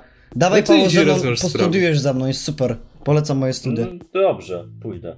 Zrobicie sobie duo Sherlock i Watson. E, a wracając do samej fabuły filmu, no to no kurczę, no nie było to przewidywalne, no bo patrz, no niby masz tego Skarsgarda, który jednak wydaje ci się, że jest przewidywalny, ale wszystko wskazuje na to, że nie jest. Równie dobrze mógł to być Plummer, który niby udaje takiego starego dziadka, ale jednak to on zabił i, i wiesz, y, jak to się mówi, ten co zgłasza sprawę, nie, nie może zniknąć z listy podejrzanych. Mm, Coś jak w Zaginionej Dziewczynie, ale o tym też sobie powiemy. I no kurczę, no ja do tego filmu chętnie kiedyś wrócę. Na pewno nie, nie za tydzień, nie za dwa, ale myślę, że no pod koniec Za roku trzy. może. Jak, jak śnieg u nas spadnie i się wczuje w ten klimat, bo jednak Craig tutaj kradnie show. Muszę powiedzieć, Craig tutaj ma jedną z lepszych swoich ról i ja bym tą jego rolę no, bo to trochę tutaj czuć takie właśnie em, pomiędzy Bondem, taką mieszankę Bonda, a właśnie Benoit Blanca z y, Knives Out co według mnie super zadziałało, bo Bond jest i świetnym, y, tfu, Bond, już mówię na Craiga Bond, dobra, niech będzie, bo Bond to jest świetnym, Craig świetnym jest super Bondem. Bondem. Kocham Craig jest super Bondem, tak, ale to, to sobie pewnie też kiedyś powiemy. Ale nie, yy, no Craig jest i świetnym Bondem, i świetnym detektywem. No, Benoit Blanca zagrał rewelacyjnie, więc i trochę mi podskoczyło jakby patrzenie na Craiga, no bo jako aktora, bo mm, jakoś nie był u mnie wysoko jakby w moim rankingu aktorów yy, takim dużym, ale jednak teraz znalazł takie symboliczne miejsce, bo kurczę, no ta rola była na tyle enigmatyczna, że o nim też nic prawie nie wiedzieliśmy do momentu, gdy ta dziewczyna z tatuażem Neymara nam yy, nic o nim nie powiedziała. Tak, Mm, ale wiesz, Dawid- ale wiesz y, po na, przed, Knife, przed Knives Out ta rola mogła robić wrażenie. Po Knives Out ona spadła na wartości kilka, kilkanaście razy w dół. Ale nie, Według no, mnie. nic to nie zmienia. Według mnie. Ja widziałem Knives Out yy, i potem, właśnie najpierw widziałem właśnie Bondy, potem Knives Out i potem dziewczynę z tatuażem i jakoś nie widziałem jakby zupełnie różnicy. W sensie nie widziałem, żeby jakoś jedna rola wpływała na drugą, o, na poziom drugi, więc ten film jest świetny. Skarsgård jest świetny. On tak idealnie udaje yy, tego porządnego człowieka, gdy okazuje się być szaleńcem. No, no w ogóle ta sama jego ta komnata jak z 50 twarzy Greya to już też robi wrażenie, pokazuje nam jaki poziom szaleństwa. I sam, sam payoff, sam, sam plot twist filmu, że jednak ta kobieta żyje, zmieniła, zamieniła się nazwiskami i, i żyje i to była ta babka od początku, którą widzieliśmy, to też robi wrażenie, więc ten film jest naprawdę jednym z lepszych filmów Finchera i, i ja przy tym zdaniu pozostanę. A ja lubię ten film, tak samo jak Wiktor. To znaczy, nie, na, nie powiedziałbym, że to jest w topce moich ulubionych filmów Finchera. Lubię go za może nieudany kryminał, co po prostu dreszczowiec. Ja od, przeczuwałem mocno, kto będzie e, tym głównym złym. Nawet mi zaspoilowano w połowie filmu, e, kto, kto zabił, ale to nie, nie ujmowało mi tym całym klimatem. Ja jednak wyczułem troszeczkę, może nie Skandynawię, co po prostu ten brudny klimat fincherowski, ten taki, o, wiecie, te wszystkie elementy tego śniegu, tego takiego brudu, mm, be- bezpretensjonalności, e, surowości wręcz b- bym powiedział, o to, że o, mamy ten cały kontrast między bogatymi a biednymi, o, jest y, to całe, ten, ten cały brutalizm, wręcz y, przesadzony brutalizm, y, łącznie z tą sceną gwałtu na Lisbeth, y, co gra Rooney. Sama kreacja Rooney y, mówiliście, że jest odpychająca, no bo w zasadzie taka ma być, ma być odpychająca. To w zasadzie była, ona była nawet pisana na bohaterkę, która y, jest też brutalny przy tym, jakbym powiedział, y, właśnie, nie, mówię o Rymara, no o Rymara zresztą też w książce bo miała być taka, ta postać Lisbeth i mi się bardziej podoba niż ta wersja szwedzka. A jak gdyby Tutaj widzę, że to jest bardziej nie, że pełnoprawny kryminał, co list miłosny do Larsona, jaki, jaki napisał David Fincher mm, i chciał mu podziękować za to, że wychował się w zasadzie na jego książkach. Szkoda, że nie dostaliśmy sequela, czyli chyba Zamek z Piasku, który, no nie, nie jestem pewien. Nie. Zamek z Piasku, który runął jest ostatni. y, Y, jest dziewczyna, która z igrała z ogniem praktycznie. Z, no, i grała z ogniem. Dziewczyna, Kobieta tak, z masz rację. Dziewczynka z zapałkami. Dziewczyna, która gra z ogniem. E, I szkoda, bo to nawet kończy się troszeczkę takim cliffhangerem, ale też dzięki temu, że nie ma kolejnej części, to to zakończenie jest bardzo mocno takie pesymistyczne. Jakby wszystko, co przeszli nasi bohaterowie, łącznie z na, nawet, że oni się sam, razem przespali, to nie ma sensu, bo hej, Daniel Craig ma żonę i tyle. A i Ej, to jak za tym gadacie, to brzmi totalnie jak taki umroczniony Bond. No bo tak to jest nazwał. umroczniony No, Bond. Słucham. Jest, co, nie poczekaj jestem jeszcze- twoim, jestem za. W sensie tak, jak, jak to było, a y, jestem w twoim typie? Nie, za mądra. S, y, singielka. Nie, mi, um, ale co mi się nie podobało, Daniel Craig jako o, główny bohater, to znaczy ja widzę Daniel dalej w nim Bonda. O, nie jest kompletnie podobny do Benoit Blanca, wręcz przeciwnie, dopiero Benoit Blanc W sensie pokazał... charakterem, według mnie tym detektywistycznym takim trochę. No taki vibe czułem Nie wiem, wiesz co, ja, ja kompletnie tego nie czułem. Ja, ja czułem, że to jest niby Bond, ale próbuje wyprzeć się tego takiego seksapilu, e, jaki miał agent 007. Tutaj to Benoit jest... Blanc też był ekscentrykiem No tak. i był taki bardzo...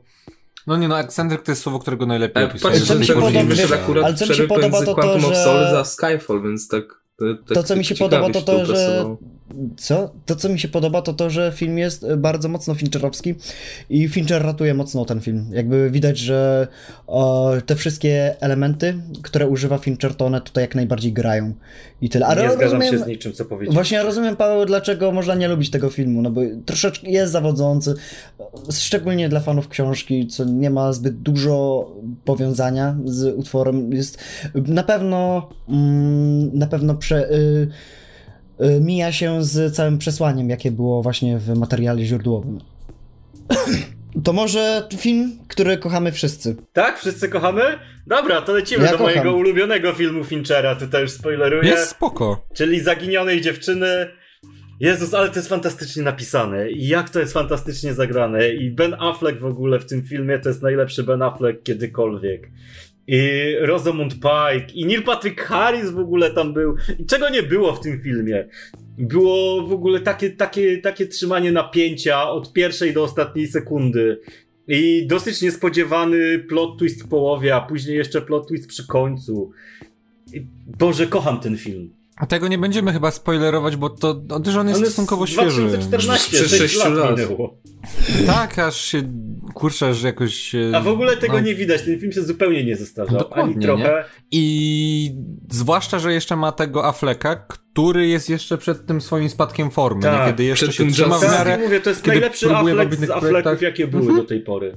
Według Nie no, mnie. dla Afflecka serduszko jakby za każdy projekt, w którym jest. I, a, ale a Affleck, tutaj... który grał z Mattem Damonem? Nie no, pewnie nie, to też jest, są świetne role, nie, ale chodzi po prostu o to i, i też ja nie powiem, że to jest najlepszy Affleck, ale jakby jak na tamten czas, no to się staruszek jeszcze trzymał świetnie, nie, i kurczę Affleck wróć, proszę, tęsknię No za wraca tobą, przecież, naprawdę, wraca, wracaj wraca. do filmów.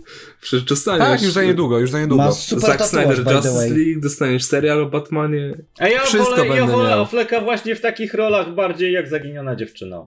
No w takim kameralnym Tak. filmie, był w który... tym, mm, był ten film e, Accountant. Nie, błagam, nie mówmy o nim. No. Błagam, proszę. Nie, ale zobaczcie to był też, że faktycznie pomysł. Jak, jakie dwa różne nurty widzimy na przestrzeni całej filmografii Finchera, gdzie ma, są te filmy właśnie z lat 90., początku 2000, ciężkie, brudne. Jakby tutaj też jest to ciężki film, nie? nie Ale jest też jest brudny bardzo. Ale w taki trochę inny sposób, jakby te filmy, powiedzmy od The Social Network, ja widzę trochę zmianę stylu, jakby to jest taki Fincher, który właśnie on się nie postarzał, on trochę odmodniał jakoś. Nie, nie wiem, nie, nie jestem w stanie wytłumaczyć, Po prostu, Jakby ja wiem, e, każdy film, każdy film e, bardziej każdy film jest e, bardziej wyrazisty. To znaczy, każdy osobny film po właśnie Social Network ma swój wyrazisty styl. No, masz, wiesz, masz Gone Girl, która jest takim sprawnym thrillerem z ciekawym plot twistem. Masz e, właśnie Dziewczynę z tatuażem, która jest takim białym ale dość kryminałem. konwencjonalny No tak, ale mimo film. wszystko to, znaczy, to wszystko łączy właśnie y, ręka Finchera, która jej tak jest schematyczna. To, to, No dobra, ale zobacz, jakby Fincher, Fincher kiedyś dyktował trendy, nie? A tutaj trochę on, e, no trochę za trendami poszedł mimo wszystko. Nie, I nie tak, jak- Przecież jak- to, jak, jak narracja słucham jest prowadzona o w tym filmie, to jest totalnie dyktowanie trendów. No, czy ja wiem, jak, jakoś to nikt tego nie to jest naśladował powielanie, później, To nie? jest powielanie w zasadzie takie. Troszkę Ale to tak. nawet, no, ale nie ma nawet co, co dyktować. W sensie, no te powielane trendy, które są stosowane w Gunger, to one nawet nam się nie, nie smaczyły. To znaczy, no, one zawsze były, będą, ale to nie jest takie, to nie są tego typu trendy, których my mamy dość. Nie wiem, ja to miałem mega zaskoczenie, jak oglądałem to pierwszy raz. No, I w ogóle jak też masz ten plot szedł- twist, jak szedłem na ten to film, też. to nie wiedziałem, że to jest film Finchera. W ogóle gdzieś mi to umknęło. E, I wyszedłem z wielkim wow.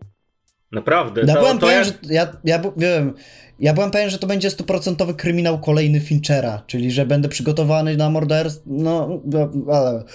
Jeszcze raz. Ja byłem przy, przygotowany, bo spoilujemy czy nie w ogóle? no spoilujemy. Lubię ten film, lubię Afflecka w nim. Po, podoba mi się to, jak te poszczególne twisty wybrzmiewają. Nie chcę się tutaj za bardzo rozgadywać o fabule, bo jeszcze coś pokręcę. Jakby ja ten film oglądałem tak na szybko dosyć, nie? W sensie rewatchowałem sobie. I jakby podobał mi się na tyle, że jakby on jest w tej...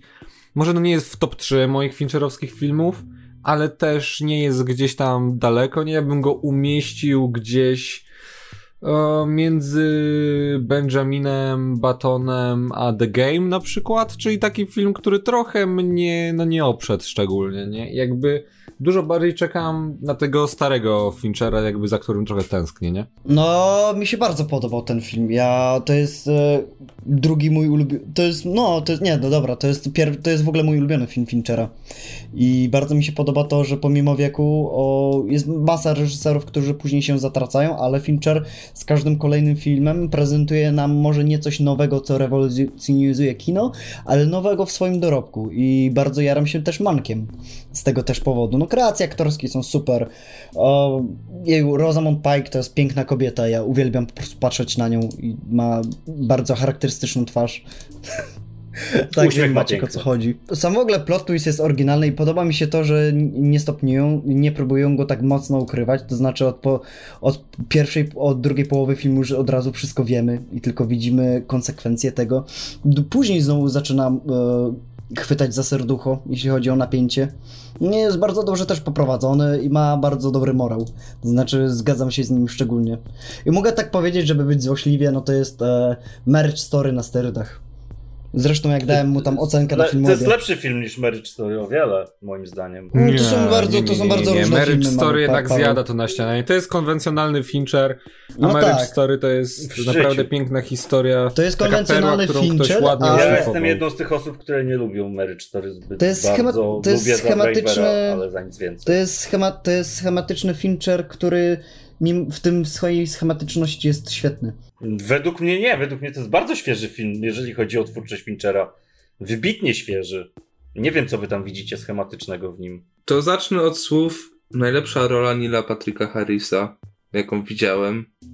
Wreszcie to, wreszcie to nie był śmieszek, który, no, który nie podrywa laski co chwilę, który goni Smurfy. no, czy goni smurfy, dokładnie, tylko kurde, on jest tym typem, który jednak, no, w sensie nie wiemy tak naprawdę, czy on dalej jest tym psychopatą, który, No jest, którego... no widzisz, masz to jasno no, pokazane chyba w filmie. No tak, ale czy, czy aż tak dużym, jak był wtedy? W sensie nie wiemy, jaki był wtedy. Czy był jeszcze gorszy, czy jednak trochę się uspokoił. Ale o tym mniejsza. W ogóle ten film się tak zaczyna. Jak widzę, że Ben Affleck pije alkohol, to ja sobie tak mówię, proszę nie rób tego, nie rób tego, Ben. Odłóż ten kieliszek. odstaw, odstaw, odstaw ten alkohol, odstaw, odstaw to, odstaw Nie, to. Ben, nie Już? Won mi z baru. Ale jak wiem, że, że, że jednak to nie jest yy, ta scena, wiecie, że, że się chłop upija, to jednak jeszcze to przełykam i potem mamy tą scenę, przychodzi do pustego domu. Ja sobie myślę, oho, zaczyna się thriller, już, już się psychologia zaczyna, już się zaczyna, kurde, yy, paćka w głowie. W sensie yy, gwałcenie mózgu. o, tak, to ta gra psychologiczna w ogóle jest Dokładnie. fantastycznie zrealizowana. Mhm. Ym, Trochę miałem, miałem yy, wrażenie trochę jak przy The Game, że nie wiem dokładnie co się stało, ale potem nawet jak nam pokazują co się stało, to ja dalej nie wierzę, że to była prawda aż do samego końca. W sensie, że to mogą nam pokazywać jak to się stało, ale jednak tam może być coś pomiędzy. No, ale nie, film fantastyczny, lepszy od 7, według mnie. Eee, nie, nie wszedł do mojego top 3, jest na czwartym miejscu, ale kurde, jak go tak oglądałem, to się dziwiłem, że, fin że Fincher zrobił tak dobry film po tylu latach. W sensie, że mm, dalej utrzymuje tą jakby tendencję dobrych filmów, że tylko ten Benjamin Button był słaby i ten no Azyl nie był słaby, no nie był słaby, nie był najgorszy, tylko ten Benjamin Button był słaby, a tak naprawdę to Fincher dalej trzyma tą e, tendencję, że ma przynajmniej minimalnie dobre filmy. Co właśnie ten film pokazał, gdzie Ben Affleck po prostu wow, picuś glancuś. Nie, nie wiem, czy coś więcej idzie dodać o tym filmie, jak dobry jest. No dobra, to ja myślę, że będziemy sobie przechodzić do naszych topek. E, nasze top 3 filmów Finchera, ja pozwolę tutaj zacząć od siebie, sobie, samemu.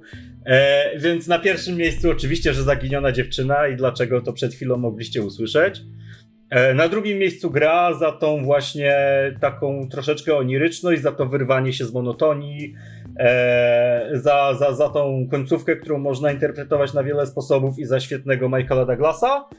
I na trzecim miejscu mam Exequo Fight Club i 7. Jak to jest u was, Maciek? No to u mnie na pierwszym miejscu, jak już wspomniałem, The Social Network, bo mógłbym chwalić ten film godzinami w zasadzie za każdy element, nawet za te długopisy, które tam Mark e, chowa po kieszeniach. Na drugim miejscu Azyl, bo dawno nie czułem takiego napięcia oglądając film plus fantastyczne stadium ludzkich zachowań w sytuacji zagrożenia. Na trzecim miejscu 7, bo żaden, końcówka żadnego innego filmu aż tak mnie nie dobiła emocjonalnie po prostu. I za to no, należą się Fincherowi no, no, no brawa jednak. W sumie każdy ten film mógłby się zmieścić na tej topce, yy, tylko że to bym musiał patrzeć od, od, od różnych stron. Natomiast wybrałem te trzy, bo chyba akurat te podobały mi się najbardziej na najzwyczajniej w świecie. No to na moim pierwszym miejscu jest Gongar, na drugim 7 i na trzecim Social Network. Dlatego, że to są trzy tak naprawdę różne z pierwszego punktu, y, na, na pierwszy rzut oka filmy, a mają oba, a wszystkie trzy mają coś zupełnie innego do opowiedzenia i super są. Ma, I w ogóle kreacje aktorskie są kapitalne. Dobra, i Wiktor? Eee, to ja polecę od tyłu. I skoro możemy dawać egzekwo, no to Zaginiona dziewczyna na, na trzecim miejscu i Dziewczyna z tatuażem, na drugim Zodiak i na pierwszym The Game. Ale, ale, to, są, ale to są skrajnie różne topki, znaczy tam no. Max... Tak, ale wiesz, no ile ludzi, ile ludzi, tyle opinii i fajnie, że dostrzegamy no w tych filmach różne rzeczy, nie? Bo to, bo to wydaje się ciekawe i pod samym kątem tego gadania o nich i pod kątem tego, że Fincher naprawdę jest dosyć uniwersalnym reżyserem i różne rzeczy w jego stylu podobają się różnym ludziom.